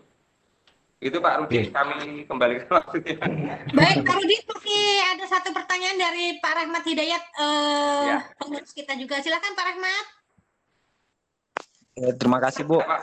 Jelas. Assalamualaikum ya, warahmatullahi wabarakatuh. Waalaikumsalam. Ya, jadi uh, sangat menarik pembahasan kita malam ini. Uh, saya ada beberapa hal yang ingin saya ungkapkan, entah ini berupa pertanyaan atau pernyataan. Jadi, uh, jadi ada yang uh, beberapa hal yang membuat saya risau. Yang pertama, sebuah pertanyaan, apakah jurusan yang ada di setiap SMK tersebut itu memang sebelumnya telah dipikirkan nantinya akan dibawa ke mana alumninya atau lulusannya. Itu yang pertama. Kemudian yang kedua, eh, dari pembahasan atau penjelasan pemateri, ini kan sama seperti pertanyaan sebelumnya, ujung-ujungnya wirausaha Artinya pertanyaan Bapak eh, siapa tadi yang sebelum-sebelumnya bahwa jurusan otomotif larinya nanti ke Alfamart atau ke mana jadi pelayan seperti itu itu akan tetap terjadi karena apa yang diajarkan itu wirausaha secara umum. Artinya mereka tidak diajarkan bagaimana membuat usaha berdasarkan jurusan yang mereka pilih. Kemudian yang ketiga Pak, yang terakhir, apa tidak mungkin kita usulkan ke pemerintah, ini harapan mimpi saya saja Pak pribadi, bahwa setiap alumni SMK ini diberikan modal untuk memulai usaha mereka. Jadi mirip-mirip PKBM atau tempat-tempat kursus seperti SKB yang setelah melakukan pelatihan menjahit diberikan alat dan bahan atau seperti itu Pak. Saya kira itu terima kasih. Assalamualaikum warahmatullahi wabarakatuh. Baik, terima kasih Pak Rahman Hidayat. Mungkin bisa langsung Pak Sugeng atau Pak Heri ini. Mas Heri lanjut. Iya, Sebenarnya gini Pak, kalau ujung-ujungnya wirausaha, eh, ini saya contohkan aja apa yang saya alami dan mungkin teman-teman banyak yang mengalami seperti itu. Jadi proses itu tidak bisa kita hindari Pak jadi antara peluang dan uh, potensi kita secara skill dengan apa yang sekarang kita jalani itu memang tidak ada kaitan kadang-kadang. Dan itu uh, itu pilihan yang tidak mudah memang. Ketika ada teman-teman yang di otomotif kemudian harus bekerja di bidang yang lain karena tersedianya itu. Kan gitu. Uh, ujung-ujungnya selalu dibilang bahwa ini uh, arahnya adalah untuk uh, apakah dia tidak ada peluang untuk berusaha dengan apa yang dia miliki jadi kami berpikir lebih luas, Pak. Di di apa kelompok kami ini tadi cerita bahwa seseorang itu ketika menguasai bidang tertentu pada harus punya passion. Eh, yang ini kita ingin kita ingin uh, pahamkan juga. Kita sering melihat angka-angka. Kita jarang memanusiakan uh, angka yang kita ini kan uh, siswa sekian ratus atau sekian puluh ribu tapi kita lupa bahwa mereka itu adalah eh, pribadi-pribadi uh, yang punya passion yang tidak orang berbeda. Kita ingin membalikan pada itu. Jadi ma ma ma maaf misalkan gini, belum tentu anak-anak yang sebenarnya prodinya adalah otomotif, prodinya adalah uh, apa misalkan untuk apa ya misalkan rekayasa perangkat lunak itu adalah pilihan hatinya. Itu yang harus kita garis bawahi. Coba kita nanti makanya kita eh, selalu uh, mencoba untuk kita bicara pada saat kemarin terakhir saya juga menyampaikan di kelas digital apakah ini pilihan mereka masuk di prodi ini gitu. Karena ternyata dari kita tanya itu banyak yang menjawab ada yang karena temannya e, mengajak, ada karena orang tua menginginkan seperti itu karena ini yang sedang booming gitu kan. Padahal tidak ada passion. Selama kita tidak ada passion, Pak, Bu, uh, kita tidak akan pernah berhasil di satu bidang. Itu yang itu hal dasar yang uh, saya alami sendiri. Mohon maaf, saya pernah sekolah di sastra. Bidang saya harusnya kan tidak jauh-jauh dari itu, Pak. Tapi bagaimana saya bisa masuk di komunikasi masaran? Ini hal aneh, tapi terjadi gitu. Dan saya harus bekerja di bidang itu untuk sebuah perusahaan nasional. Mereka tidak pernah mempertanyakan kompetensi kamu apa, skill kamu apa, ijazah kamu mana, itu tidak pernah menanyakan apa yang sudah kamu lakukan itu yang dikatakan mereka karena melihat mereka punya passion itu yang ingin saya bangun di eh, apa teman-teman siswa mereka punya passion pak mereka bukan angka-angka di statistik siswa ini tetap adalah kembali ke pribadi mereka coba kita tanya satu-satu apakah mereka memilih jurusan itu sesuai dengan keyakinan di hatinya kalau tidak melakukan itu dengan passion passion itu ada gini pak contohnya saya tidak sabar untuk melakukan pekerjaan yang saya inginkan ini. Kalau saya malam ini tidur besok, besok itu pengennya segera bangun dan melakukan itu. Kalau itu dimiliki oleh siswa, bidangnya belum tentu sama. Ya, tapi kalau untuk sekedar dia mengikuti arus di prodinya, ya mungkin itu nanti terjadinya juga tidak akan selesai. Maksudnya kalau tidak mereka memiliki passion untuk bidang itu, itu hanya untuk batu loncatan dan kadang memang kita butuh batu loncatan Pak. Artinya apa? kami membantu memberikan wacana yang lebih luas. Ketika kami datang untuk memberikan pencerahan ke anak-anak, yang kita berikan adalah, oke, okay, wirausaha ini sesuatu yang bukan salah gitu. Wirausaha mau jadi apa pun bisa. Kalau tadi mengenai bagaimana pemerintah bisa uh, coba kita usulkan seperti itu, tidak ada, tetap ada peluangnya. Tidak ada kata tidak mungkin. Pasti dengan persyaratan kan gitu Pak. Pasti juga pemerintah juga akan menghitung menghitung anggaran dan pasti harus jelas arahnya ke mana. Kalau kita memang punya proposal yang jelas, kita bisa bertanggung jawabkan, ini juga tidak tidak mungkin tidak bisa.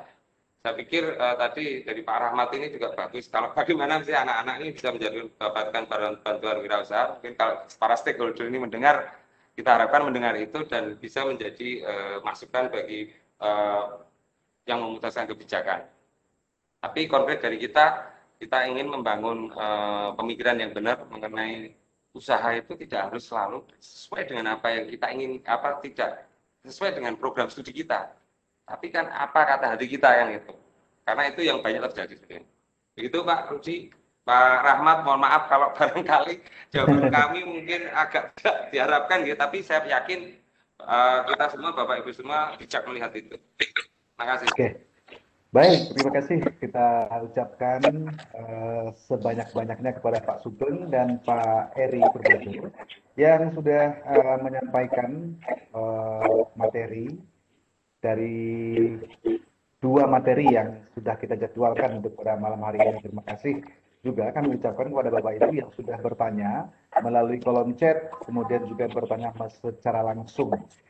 Dan barangkali Bapak dan Ibu, Tentu tidak semua pertanyaan bisa kita akomodir untuk malam hari ini. Dan jangan lupa, untuk besok hari kita masih menyisakan dua materi lagi Bapak Ibu. Yang? Yang materi besok adalah yang pertama itu terkait dengan teknik produksi cairan, eh, sabun cairan. Kemudian yang kedua adalah bagaimana manajemen produksi bersama Pak Sigit dan Bunda Aida. Nah, Bapak dan Ibu uh, guru hebat yang ada di seluruh Indonesia perlu saya informasikan. Tadi di kolom chat saya juga sudah sebarkan link mitra kita. Uh, link daftar mitra kita. Link tersebut adalah se sebuah link untuk Bapak dan Ibu, guru-guru, kepala sekolah, wakil kepala sekolah, atas nama warga sekolah barangkali yang ingin mendaftar dan berminat untuk mendaftar, kami persilahkan Bapak dan Ibu. Sebagaimana yang disampaikan oleh Bapak narasumber tadi, jika ingin berkomunikasi lebih intens, nanti pada Bapak dan Ibu yang sudah mendaftar pada link tersebut dan mengikuti keseluruhan persyaratannya, akan kami gabungkan, akan kami himpun dalam sebuah grup, dan akan mendapatkan pembimbingan langsung dari narasumber-narasumber kita dengan seluruh afiliasi yang ada di satu juan atau yang ada di konsorsium UMKM ini Bapak dan Ibu. Silahkan nanti ya bagi yang berminat, silahkan gabung pada link yang sudah saya sampaikan tadi adalah link daftar mitra kita. Itu linknya. Nanti bagi yang sudah mendaftar akan kita gabungkan dalam sebuah grup dan narasumber dan juga mitra kita ini nanti akan langsung membimbing Bapak dan Ibu dengan seluruh mungkin ada yang pernah ingin dilakukan atau apa yang akan direncanakan terkait berwirausaha atau bagaimana mengkreat sebuah produk dan membangun sebuah merek seperti itu Bapak dan Ibu. Akhir kata Bapak Ibu untuk pertemuan kita malam hari ini saya cukupkan sampai di sini. Besok jangan lupa kita masih akan bersama-sama melalui channel ini dan jam yang sama kita mulai di pukul 19 waktu Indonesia Barat dengan dua pemateri hebat untuk besok hari dari mitra kita. Akhir kata, saya sebagai moderator mengembalikan kepada host. Terima kasih banyak. Mohon maaf bila bisa bilhak. Fastabikul khairat. Wassalamualaikum warahmatullahi wabarakatuh. Waalaikumsalam warahmatullahi wabarakatuh.